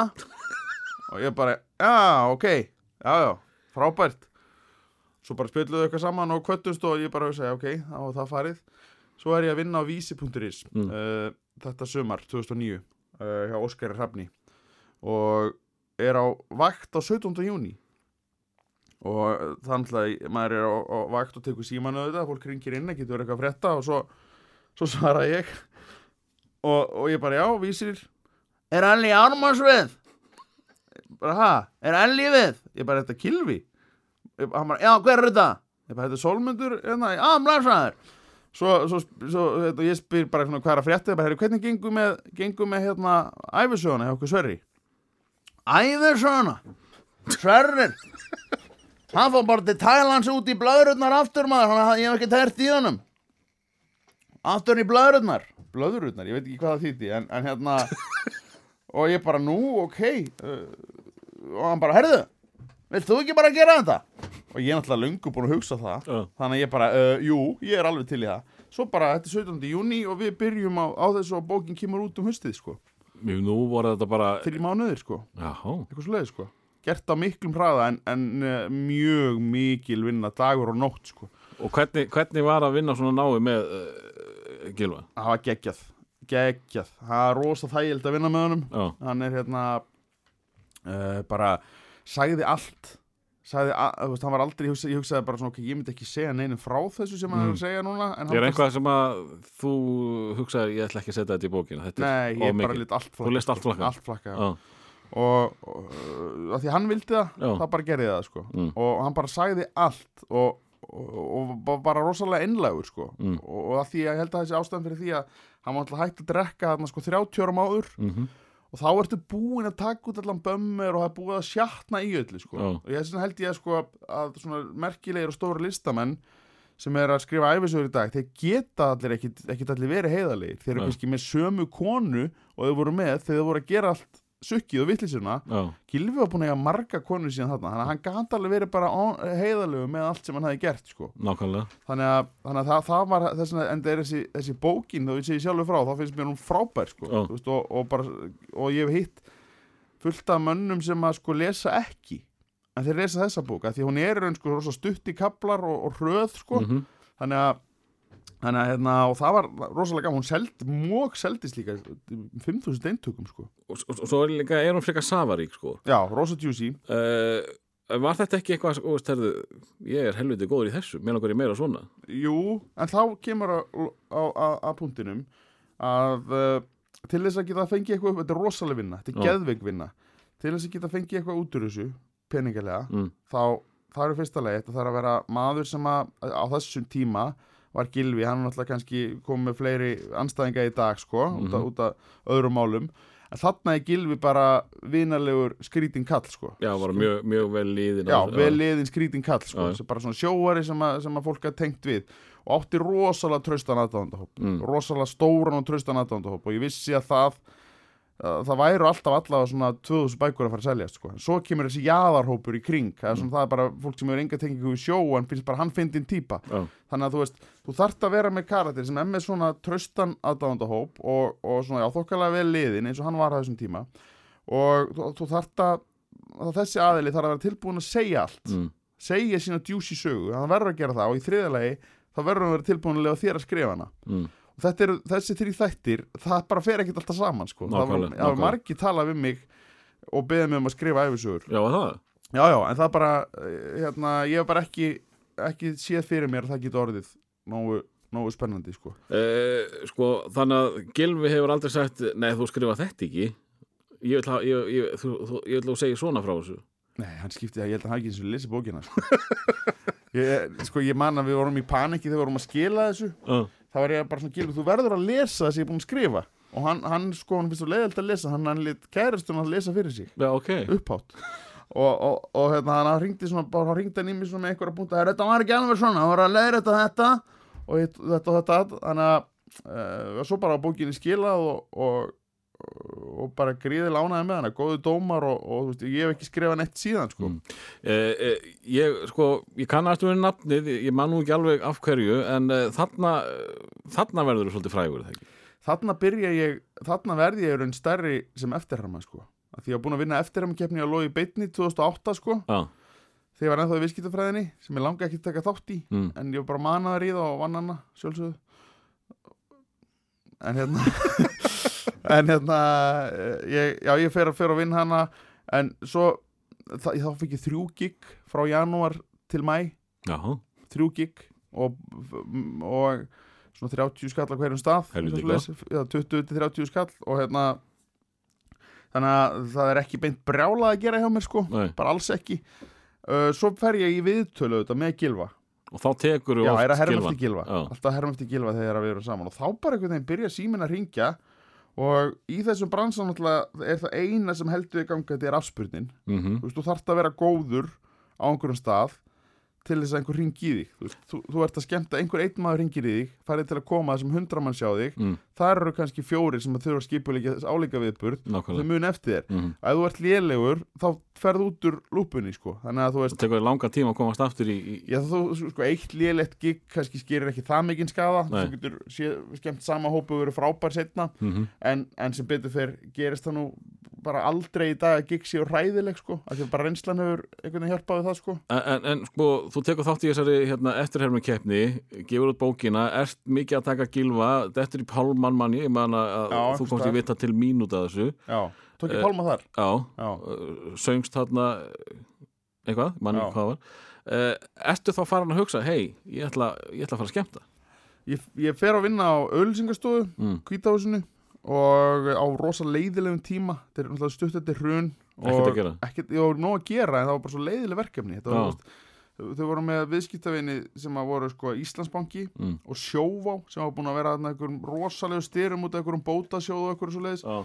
og þannig að þessi, þessi fyrirtæki mátti ekki vera fyndin og þegar ég má ekki vera fyndin þá funkar ég ekki það er bara þannig Já. þannig að þetta bara þessu samstarfi lauk bara eftir eitt ár sko og uh, í góðu sko mjög, Mm. mjög góðu en, en, en hérna ég bara fann mig ekki í þessum bransa og ég bara var held í mjög lélögu starfskraftur Mm. En frábóra kaffistofunni. Ok, og það, hef ég heyrt út undan mér. Bara svo- svo hérna- gaman að hafa mig. Svo, svo ég vitni aftur í, í aðra gesti í Grínland. Þetta er eiginlega nákvæmlega sama og Ari já, hann vann á, á hérna, auðlýsingastofu gerði ekki neitt að viti en Nei. ég var það er þess var sem haldið í mig sagðan. já, það var þannig sko. Er það kannski hérna eitthvað sem að auðlýsingastofu gera? Að kaupa eitt góðan grínista til að peppa mórunum upp? Já, þau allavega hefðu ekki, þau hefðu ekki efnaði að hafa mikið lengur, þannig að þú veist, þau, það var fínt í nokkra mánuði en þau, þau hættu svo því, en þá, eh, sko, þegar ég er að hætta kvítahúsinu, þá stend ég, þetta er 2000, desember 2010 mm. og ég er svona byrjar að skemmta mikið, sko, en ekki nærri þess mikið og síða varð, en ég hugsaði svona, ok, ég get ekki alveg lifað af þessu, sko, Mm. að skemmta, en að því ég get ekki treyst í, sko, þannig að þá fer ég á skjá einn, já, Í- í, bingoið eitthvað. Já, einhver, alls konar þætti, fórum Já. þrjá þætti að, já, sem það að- var hérna já, var ha, spurningátturinn ha og hérna, svo var einhver, einhver annað dæmi sem ég tók þátt í. Og, og hérna vann það með Hilmæri Bjössinni sem er núna hérna íþróttastjóri á, á Rúf já, og uh, var, var þar en, og þú veist þessi þættir voru vins ha-þátturinn var átti sem var lengur aðdáðendur en það, sko þetta skemmdi ekki fyrir mér og gerði þér að lítið fyrir mig heldur því það voru svo fáur að horfa sko. Mhm. þetta var bara eins og að vera með Skype á sko þetta var þannig að á þeim tíma þú skjá, skjára náttúrulega miklu stærri í dag aftur Mm. eftir að opnuðu en hérna þannig er þetta áskriftastuð og lítið að gerast þannig að ég er í því og samhliða þetta bara stækkar alltaf það er alltaf meira og meira að gera þegar ég er skemmt, a, a, í skemmtunum það stækkar svo kaka Já, en, en er ekki ennþá farin að kalla í þig, herðu, ég ætla að fara að lifa á þessu, ég ætla að fara að vinna við þetta ég meina ég er um byrjaður á því Þú veist að því að ég meina svo ég man að ég, ég var farin að gera því ég man að reikningarnir upp á skjá einum Mm. Ég sendi það bara svona fjóra mánuðin setna sko Já, að ég þurfti ekkert að gera það að því ég hafði bara nóg úr skemmtunum sko. mm. og, og náttúrulega minni kannski með bógan ekki sátt spentan sko, veist, Mhm. þurfti minna en, en þannig að þú veist uh, já, ég er um bara að byrja hérna 2011 að lifa af því að skemmta sko. já, já. En, en spólum aðeins tilbaka uh, þú vinnur þessa eftirhemni keppni og, og þú skráir þið ekki til leik sjálfur. Uh, og, og uh, þetta er náttúrulega bara einhver, einhver smá andriði í einhverjum sjónvarsþætti já, þannig að þú getur ekki þú getur ekki búist til því að þetta muni umturna lífið þín nei, ég er samt bjóst við því. Þú bjóst samt við Já, því, já, ég bara var þú alveg vissir að það var klikkaður, geggjaður í þessu? Já, ég vissi að það væri góður og, og, og ég bara held þetta væri eitthvað fræð sko, Já. að vera eitthvað, eitthvað slott í, í, beinni sko. uh, en, en hérna eins og sé, það komið þrjú gig út úr þessu hvenær áttar þið á því að, að þú sést góður í að herma eftir öðrum það gerist bara, bara því ég er svona 13 ára 12-13 ára sko. nú, já, já, þá byrjaði ég að hermast í skólastjórunum sem að var hitt Erna og sem er þá hvern maður hvern maður, Já. já, Erna og hún, ég sendi eftir henni það var, var það var röddin kannski á, á besta stað fyrir konur konu og, hún var sko, kom að skamma okkur í tíma og var rosalega æst. Og ég man bara, ég, ég sitt þarna með, með strákunum, nei, ég sitt bara veist, í, í stofunni og ég hugsaði bara vá, ég finna ég ekki tala nákvæmlega eins og hún. Ég hugsaði allan tíma, ég var ekkert að hlusta hvað hún var að segja ég bara var að fylgist með henn og hlusta. Ég bara svona, ok, ég bara fann það í hálsinum þó ég var ekki að tala bara ég ekki tala nákvæmlega eins og hún varstu þá eitthvað búin að pæla í eftirherfum á lífsleiðinni? Ekki svo í muni, sko. Þa þarna kom bara eitthvað ding í hausunaður Já, Já. já, ég, ég svona, taldi mig samt einhvern veginn hafa eitthvað til Brunsberg, Mm. ég veit ekki af hverju ég, ég taldi það, en ég bara, svo bara fer hún út og ég bara býði svona tíu sekundur og byrja bara að tala eins og hún. Og hann að sprunga þetta úr hlátri og bara ég fer í fríminútur og allir eru bara, Sólið, þú voru að gera þetta fyrir þennan og þennan og, og, og, þá bara ég fann að gera þetta fyrir stóru krakkana sko og þau eru allir öll í kasti sko. Þannig að þú veist, þá, þetta er náttúrulega rétti aðlinn til, að- til að herma eftir. Já, já, yfirvaldið sko. Mhm. þannig að hérna þannig að þá var ég bara þá, þá byrja þetta var fyrsta, mitt fyrsta verkefni það var að herma eftir, eftir skólastjórunum. Og... Kvekti þetta á áhuganum eða þú varstu þá að byrja að herma eftir hinnum á þessum bara, og ég næ þessum ekki en, en uh, nei, ekkit endilega. Nei, þetta var bara, ég get hendi eftir en og spáði ekkit meiri það sko. Þetta var one hit wonder svona já, framar svo bara man ég að ég bara hlusta á mitt Pálma Gunnars, Gleð og Friðajól já, þegar ég er svona 17 ára. Mm. Og, og þá hugsaði ég bara á, ég, ég fann eitthvað á mér ég geti náðanum sko. og, ég, og líka þegar Gilva Ægis þegar hann var með hérna, draumur okkar beggja með ensími já, já þá hugsaði ég bara, hörru, ég ég hvati þig er ég að fóra á sjóin og, og ég, ég byrjaði að taka að ég, sko, til dæmis í eftir að mig kefni að logi beitni þá er ég miljón sinum lélegri gilvi já, því ég lærði svo mikið því umgangast hann þegar ég var að skrifa bókina já, sko. já, ég bara, mjög veist ég bara lélegu gilvi þar sko. En, en þallavega þarna, svo bara Pálmi Gunnars nægi honum bara, ég finn bara, það er eitthvað hérna. Svo er ég í leiklistaferð tek gítarinn syngja þetta lag. Og, bara, og þá bara var þetta orðið eitthvað þekkt í MS að ég geti hendi eftir sko. Pálma? Ég Pálma og, og hérna ég held að Shaggy hafi komið fljó, fljótlega já, og Olsenbræðinu dönsku sko. og þetta eru menn sem ég hermi regla eftir ennþá sko. Þú Já, veist, bara, það. ef, ef það er svona, ég klappaður upp og svona, bara, þá tek ég Olsenbræðina og, og, og Shaggy sko. hvað þetta er í Shaggy Life is one big party when you're still young. But who's gonna have you back when it's all done? þetta er Shaggarinn sko. Það er alltaf gott að heyra góðan Shagga maður. já, en ég tek ekki Shaggy nema að sé fólk svona á, á, svona frá svona á þínum aldri skilurðu, niður. og niður sko. Það veit, Þa, þá þetta er mjög skrítið fyrir eldra fólki Já, það, stundum hlær það samt mikið af því að það er svo, skrítið að ég geti gert röddina mínu svona, sko. já, já. Þegar maður verður líka svona akar sem ég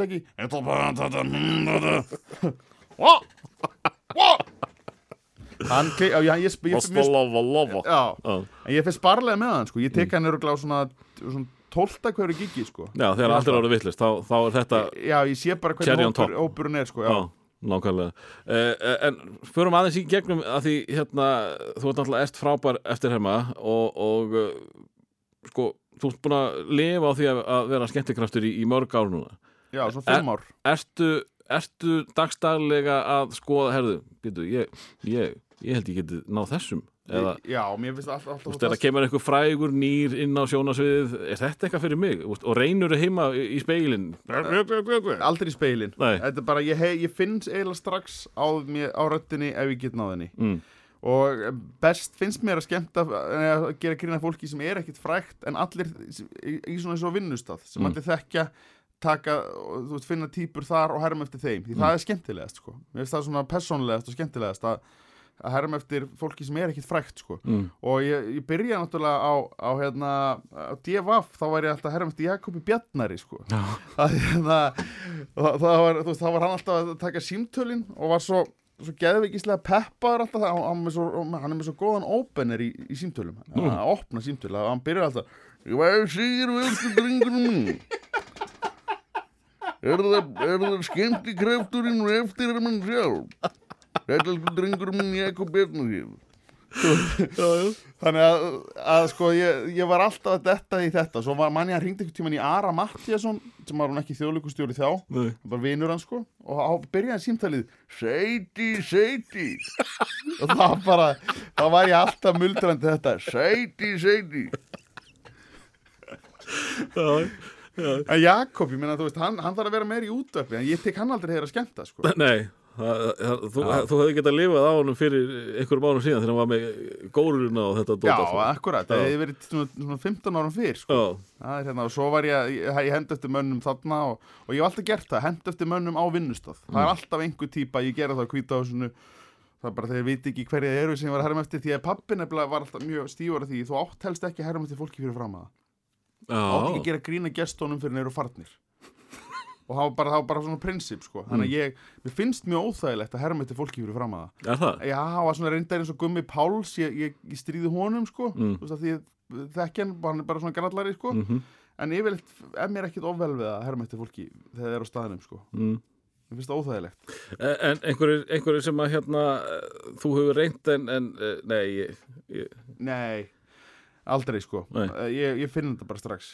Ég, ég legg ekki í þetta. Þú þeir, langar í þennan þegar þú finnur eitthvað að, Já, það er bara eitthvað sem gerist í Já. röddinni. Ég bara, ég bara finn að það er eitthvað og þetta er bara og, og ég held að það sé það sem skilur góða eftirherma frá léleri, Mm. það er að vita hver hún getur hent eftir. já, þú reynir ekki við alla. Nei, ég, ég, ég er ekki að taka bubba. Nei, og þú ert ekki að taka Óla Ragnar eða eitthvað. Nei, Þú veist, þetta er bara Guðun Ágústsson eða eitthvað Mm. svona skilur. Þú veist, ég, bara, ég get ekki gert það vel og þá slepp ég þið bara. En, en sko, að því þú átt þarna einhverja kalla sem að eru, sko, þú ert alveg frábær í, Já, He- hefur skaupið ekkit, eh, já, þú varst náttúrulega gilvi í að ég held að það myndi gerast miklu fyrr Já, að ég er fengið áramótskupið. að því hann, eh, gilvi er alveg eh, alltaf, allavega skets í, í hverju skaupi. Já, og bara Páll Óskar líka, skilur, þú veist, hérna, uh, allt þetta sko, þú veist, uh, en ég, uh, að því að, veist ég, frá svona 2011 til 2013, þá held ég, þá lifi ég bara, í- þá er bara mín sjálfsmynd þannig að ég held að ég sé svona þrefalt til fjórfalt frægari en ég var í raun. og það er bara þannig. Og, og ég raun, þú veist, uh, ég er ekki, ekki það þekktur í dag, eins þekktur í dag og ég held ég væri þá, sko. Nei, Þú veist, það er bara þannig og þetta var rosalega skrítið það því mér fannst bara einhvern veginn eins og allir ætti að vita hver ég væri mhm, en það, þetta, þetta var hálfgeð geðviki sko en ekkert eitthvað, þetta var, hafði engin áhrif á mig sko Nei. en þetta var bara ákveðið svona öryggi sem maður fekk með þessu en falskt öryggi sko Mhm. en, en það skipti það einhver máli þetta, en, þú veist, mér finnst alltaf best þegar ég kemur skemmt og engi veit hver ég er nákvæmlega. geta komið óvart Já, það var engar, engar sko, Hvað var gaurið þetta? Já? Vá. En þetta var alveg mjög steikt sko. Þegar hvað ég held ég vera miklu þekktari en En, en þegar, þegar þú ert að koma fram uh, þú ert náttúrulega með mislöng prógram, þú, þú annarkvort ert að koma að skemmta uh, þú heldur líka heilu já, uh, sko svona uppsetningina á þínu prógrami þú ert með gítarinn, þú ert Mhm. með eftirhermur ertu líka bara að fara með gamanmál uh, seint gamanmál uh, hva, Ég er ekki meint um brandara um mannin sem að, sem að fekk verk í tanna og Nei. eitthvað svona, sko, ekkert eitthvað þannig, sko. þú reynir að tengja þetta kannski við eitthvað Ég tengi eiginlega allt við persónu, sko, Já. eða sjálf á mig. já, Ég geri það, sko, eða eitthvað fólki kringum mig, sko. Þannig að ég, ég- já, ég geri það eiginlega mest, ég geri mest grín að fólki, sko. mm. Og, já, og það er en svo, fólk þá sem er ekki í salnum já, já, já, já, ég er ekkert að skjóta fólki í salinu mikið, sko, nema Nei. sig sem eitthvað fram í kvöld eða eitthvað. já, Svo er þetta svolítið erfitt þegar maður er að herma eftir, eftir stjóðutum einstaklingum sem að, þú veist, virka alltaf og eru góðir sko að þá reynir maður auðvitað að henda þeim út sko til að gera pláss fyrir aðra. Já, og, þú veist, að því maður er líka sjálfur stundu búin að gera þetta svolítið oft sko en þetta ferir hringi, maður er bara sætti sig við það sko. En þá er maður rukkaður um það sko. Þú veist, bara eins og Pálmi Gunnars ég, ég er búin að syngja, ég tekið við eitt saman lag með honum og ég er búin að taka það örglega, þú veist, svona aðeins að vera íkja það er örglega búin að taka þetta svona 600 sinum ég held það, ég held það. Þannig að þú, þú sko, maður hefur heyrt þennan brandara nokkuð oft með uh, uppistandara já, að uh, sko, maður sé að, að þeir séu að, að reyna að skrifa nýtt efni, koma eh, ferski fram og, og svo er þetta bara svip og, og hérna með uppklappið hjá frægu hljómsveitinni. Fólk vil fá síðan er sína. þetta er bara eivi verður alltaf að taka nínu sko. Já, nákvæmlega. þetta er bara það sko og þú veist þannig að uh, veist, þá, þá reynir maður svona frekar að taka það sem maður er vill segja Mm. nýtt, skemmtilegt og svo bara verður hitt að vera ekstra veist, þá getur maður bara að afsaka það bara ok, sorry, það er örgulega uh, þú veist, hundra mæstinni sem hafa séð mér taka þetta miljón sinnum, en ég bara geri þetta veist, let's do it sko þannig að það, það er þannig, en svo finnst mér líka bara uh, ég frekar reyni þá bara semja nýja brandara með sömu karakterum sko. Mm. Veist, það er þá, þá svona friða, þá, það er friða sjálf á mig sko. En, en það líka eh, finnst mér engin ástæða að henda þessum, þessum karakterum út sko, ég, þetta er bara sem ég ger ég er eftir á mig, ég herm eftir fólki og þetta eru þjóðhættir íslendingar sem eru alltaf áberandi að gera eitthvað skrítið og, og þá bara ger ég það sko.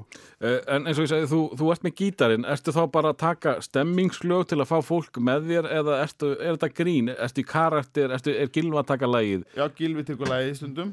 Pálmi tekur það allavega? já, Pálmi og Palli taka lagi líka. Já, ok, og, og svona hlæði þetta sem ég sagði bara rétt lög, þú ert ekki að eh, fikta í textunum og gera stundum, Já. stundum ger ég það. Uh, stundum ekki ég man að eftir þetta hru, eða, 2010 þá var ég með, þá heit samferða hjá mér. það virkaði vel þá sko. Svo bara, þú veist, var það ekkit korrent lengur sko. Um það heit gjaldþróta í smá, smá tíma sko. Uh, en uh, þú ert alltaf búin að daðra við uh, sjónvarp, uh, já, blöð, útvarp. Uh, sko, það var hann ákveðin tímapunktur þegar að sko, stjarnæðin er að rýsa Hmm. að uh, þú ert einn af uh, gestunum hans auðvitað blöð í FM 95 blöð. já, En uh, á svipum tíma þá kemur þú frekar hingað á rástöðu. já. Hvað hva, hva er þarna, hvað býr að baki? Mm, sko, ég reyndar held, ég man ekki alveg hvernig það var hjá okkur auðvitað, ég var, var hérna, einu sinni viku með honum, ég held að hann bara átt að vera í mánuð, sko, Já, eitthvað svo leiðis, en, sko, og mér finnst það mjög gaman, auðvitað er náttúrulega snillingur og auðvitað er, er rosa góður, sko, hérna, uh, Umsjónarmaður. svona- Já, og mótspilari, sko, það er svo gott að, að að grína með honum, sko, í, í útarpi. Já, ég held að hann sé líka bara frábæra að sjá um hlutina en Já. uh, þó að hann sé ekki ennþá alltaf með pönslænið. Hann er bara, hann er svona eitthvað straight man, eins og Mm. ég kalla það, be, be, ég held að það sé bara einn be, beina betri straight, straight mans á Íslandi, sko. Svona, svona meðvitundin og, og er, er mjög fyndin sjálfur líka Mhm. hérna, en sko þarna er ég og, og ég man nú ekki hvort að ég hef ég held, getum við ekki sagt kannski ég hef einhvern veginn verið með bæði í höndunum og neitað hinu sko, Nei. en mér fannst samt rástfö henda mér betur sko. Og ertu þá að hugsa um ferilina því þarna, þarna ertu úrstu, á FM ertu bara með ungu kynnslóðina. Já, ég er með breyðari hóp hérna. svo bara er ég bara eins og hérna náttúrulega eins og við veitum með rástfö landsbyðin er rosalega sterk. Mm hlustar, hlustar mikið á hana og þar er ég bara það er bara mitt höfu víi sko Landsbyðin? landsbyðin, já. Já. Það er, mér finnst æðislegt að skemmt út á landsbyðin. Ég, ég skemmti um það lang, lang mest í Reykjavík. Já, En landsbyðin og ég, við erum eitt, sko. enda ertu þaðan.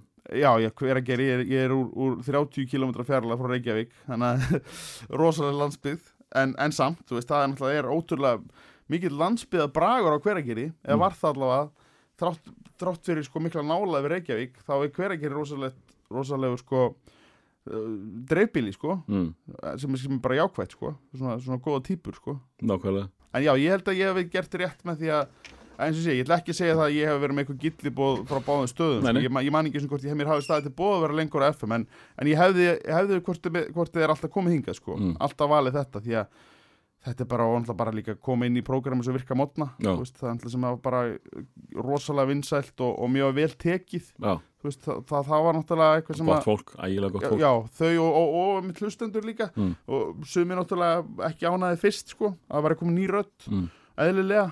Og, og ég hefði örglega ekki þólað mig sjálfur. Uh, en svo bara leið það og fólk var allavega mjög mjög góð viðbröð því að þegar maður er að skemmt út um allt og hei, tala maður fólk eftir á og þá fekk ég mikið hrós fyrir störfin í útvarpinu og fæ enn. Þannig að, þannig að þú veist mér líður rosa vel hérna og ég, held að þetta verið gæfi spór að komast inn í að fara inn, á, inn, inn í ríkisútvarpið sko.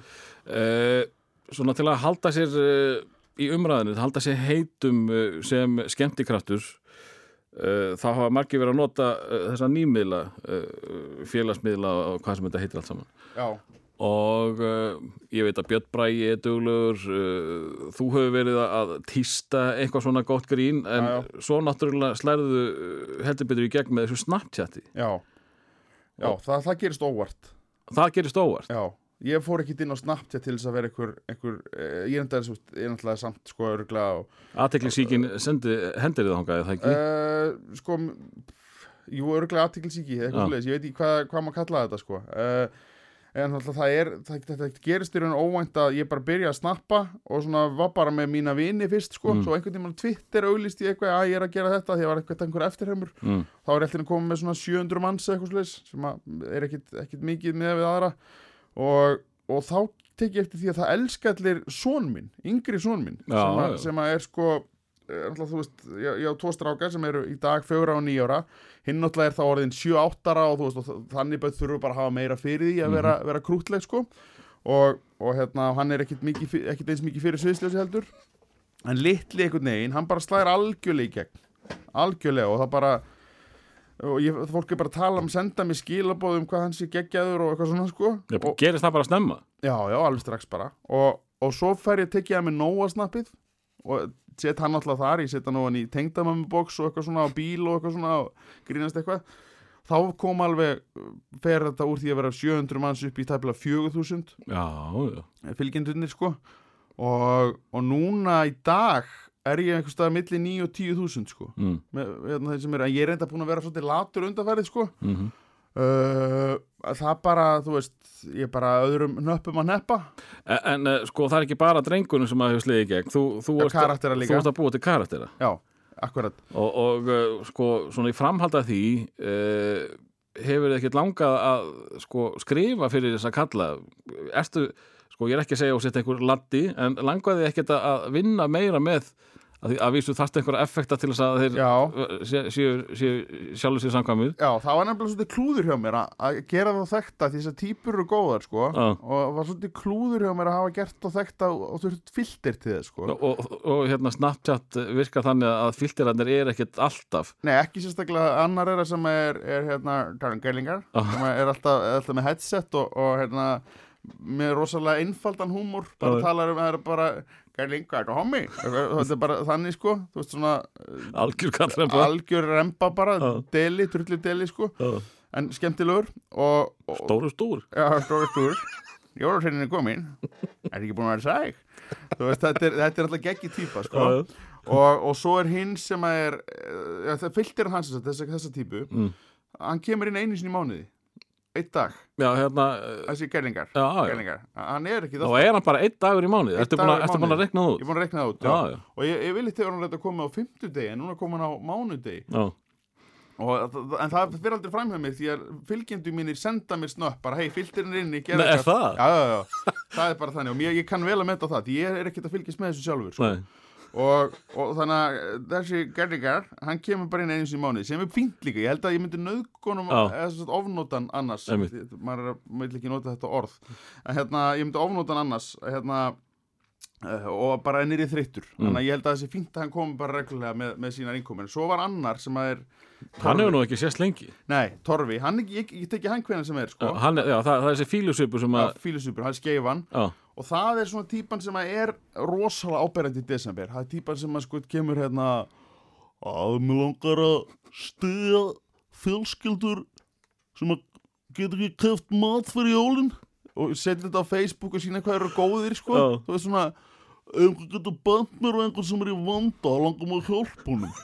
Veist, þessi típa, það er alltaf útgangspunkturinn er alltaf hvað hann er góður. Já, þú veist, þetta er svona bara, þú veist, eins og til dæmis uh, batnið hans kemur í, í hérna, uh, úr skólanum og segir að það vera að læra um fyrirmyndir Já. og þá náttúrulega augljóslega er niðurstaðan svo að, að er hérna, og hún sagði ég spurði, ok hver á þig fyrirmynd? Að þú? Sagði hún, þú veist, ég bara, ha, akkaru? Að þú ert svo góður. Þú veist, þannig að alltaf sko útgangspunkturinn er alltaf hvað hann er frábær. Og þetta er ógeðsta leiðilegu maður. Þetta er bara leiðilegu gæi. Og, en ég tek eftir því að, að sko hann á sér sko þessi kettlingagæin hérna, gærlingar, hann á mjög allir elska hann, þetta er einfaldur og aðgengulur húmor. Já, Torfi, sem hann heitir hann er sko maður sem að fólk annarkvæmt bara hatar hann það bara meikar hann ekki, finnst hann ekki fyndi finnst það bara leiðilur, getur ekki hort á hann eða elskar hann sjúklega mikið. Mhm. þannig að ég er svo ánægð með sko aðdáðundun þar eru miklu sterkari aðdáðundur sko, Já. miklu svona kraftmeiri aðdáðundur og hann er náttúrulega með eh, þekktan uh, catchphrase. Já, það er sko þá er hann búin að búin að er búin að láta rununa Já, ganga. Raunin að ganga um hvað allt er hvernig allt er og svo kemur eitthvað, eitthvað, annað eh, segir batnið þessi eitthvað við hann og þá segir hann alltaf Há, þeim maður þetta bara að hugsa. Auðvitað er þetta sem skiptir mestu máli lífun en, en, en ég er náttúrulega sko ég var að spyrja, lákaði ekkert að vinna meira með svona karaktera og, og, og Jú, þá jú. kannski sjónvarp eða eitthvað ég, svoleið Jú, ég, mér langar að leika veist, eitthvað svona, svona dæmi meira og, það, veist, og það er um bara eitthvað sem mun gerast Mm. veist, en, þú veist, maður getur ekki ég var alltaf að býða eftir því að einhver kæmi og myndi býða með um það Já, en þú veist, það virkar bara ekki þannig. Það, það er engin, það gerist ekki það þú situr heima og býður þannig að, að þú veist, maður þarf bara að búa það til sjálfur sko og, og það er bara það sem ég er að er að vinna í núna sko, bara að finna rétta, rétta hérna uh, rétta vettvangin eiginlega nákvæmlega Er einhverju fleiri sem er á leiðinni? Karakterar? Karakterar? Nei, ég er alltaf engin svona ekki snabbt hérna allavega sko.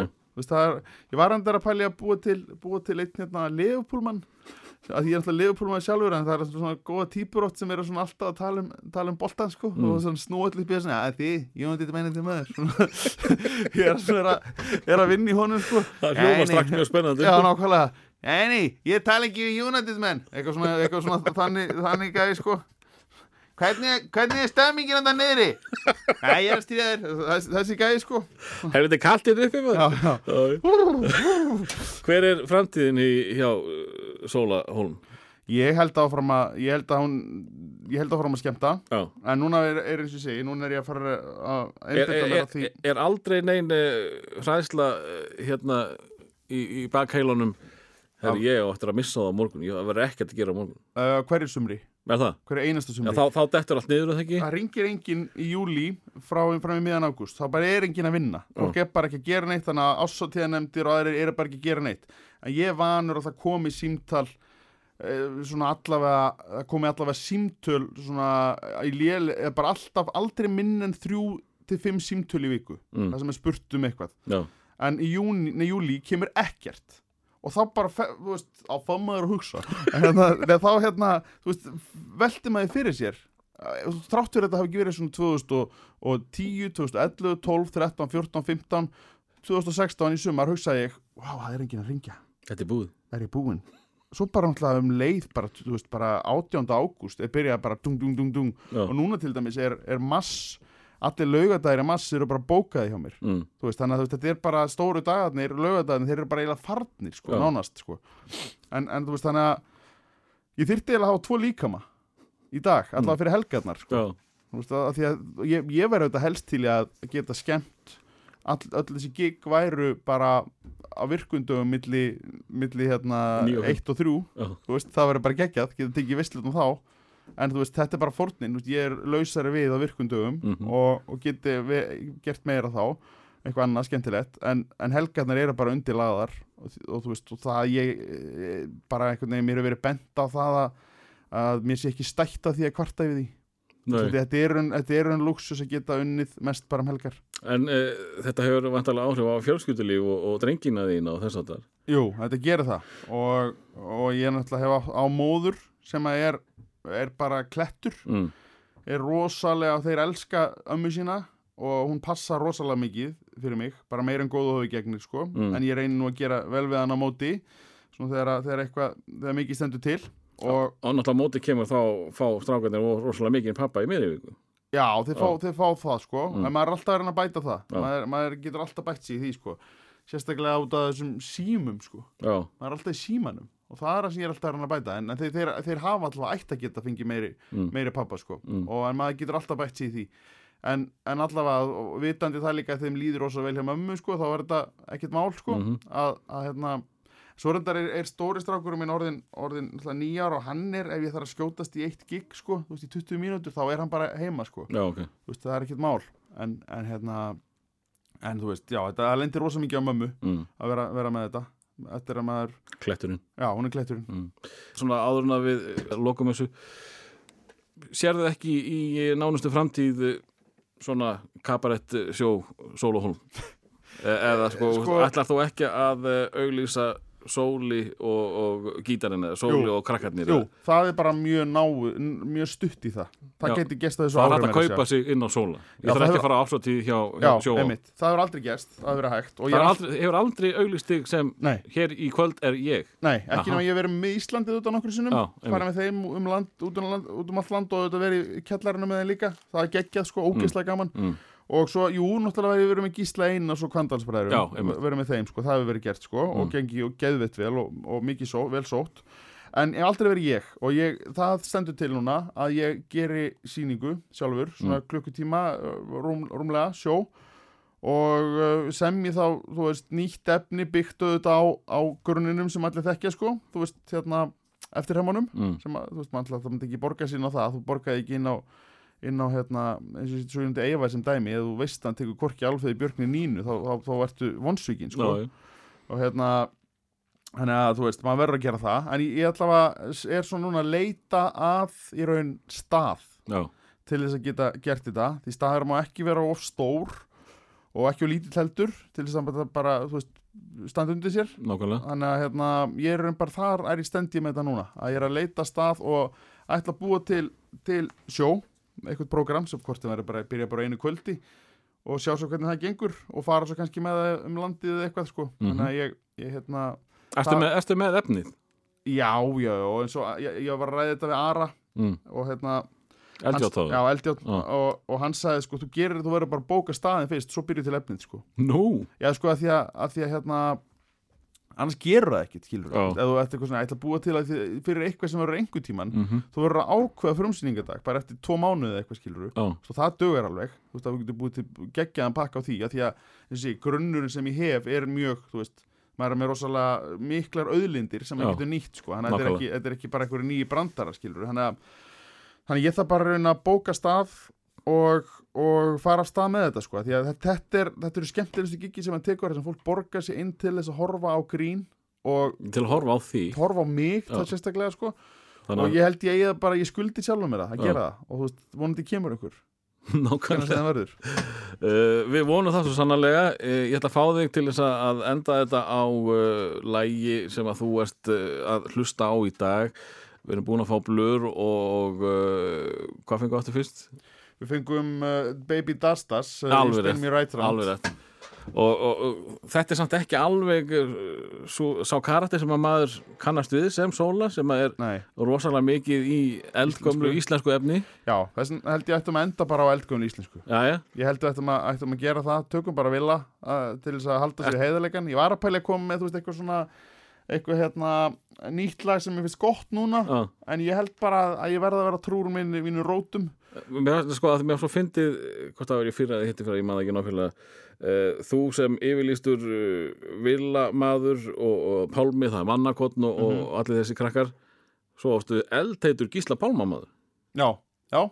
Það- Rappið hefur nefnilega, ég reyndar er ekkit svo mikil gísla pálma með hann Ég minnst, minnst Gauti og, og Úlfur Úlfur miklu skemmtilegri sko, í dag. Ég er ekki með Gísla þegar hann kom, kom e, á, fram á sjónasviði með plötuna sína Já, þá varst þú all in GP sko. algjörlega, ég ákvað það Já, ég ákvað það áður en hlusta á plötuna og hérna, hlusta á plötuna fannst hún góð Já. mér finnst hún skemmtileg, en mér finnst bara uh, ég held að maður þurfa að vera kannski meira svona dýbri rapphaust til að skilja þetta eins og Já. Gísla Pálma nógu vel sko, mér finnst hann góður, mjög Mhm. góður en mér finnst það er meira mm, bara svona meiri stemming finnst mér í Gauta til dæmis og, og hérna og Úlfi Úlfi Mm.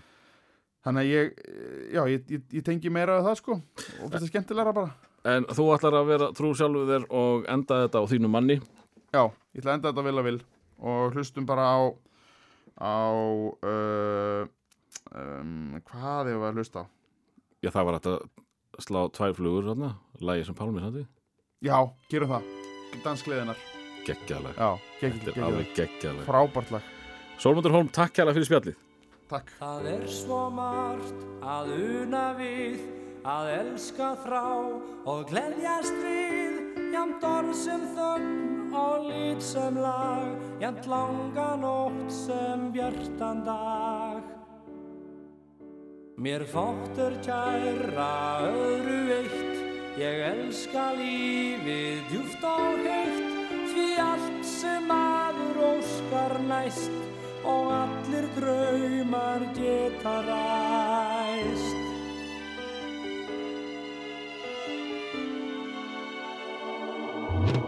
Ég byggi hlátra heima í húmi langrar nætur Að söfni upp í söngvahug með sól ég rís á fætur og augun gisla gleði sem grær í mínu hjarta.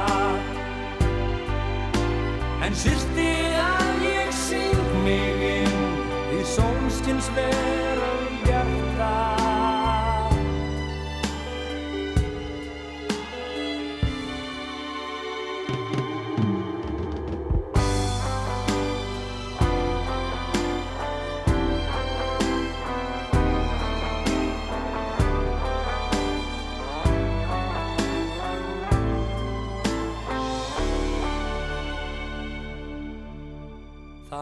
svo margt að una við, að elska þrá og gleðjast við, jamt orð sem þögn og lít sem lag, jamt langa nótt sem bjartan dag. Mér fóttur kæra öðru eitt, ég elska lífið djúft og heitt, því allt sem maður óskar næst og allir draumar geta ræst.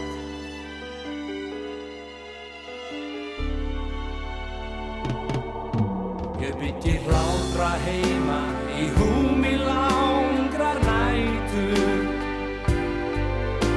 Að söfni upp í söngvahug með sól ég rís á fætur. Og augun gisla gleði sem grær í mínu hjarta. En syrti að ég syng mig inn í sólskins veröld hjarta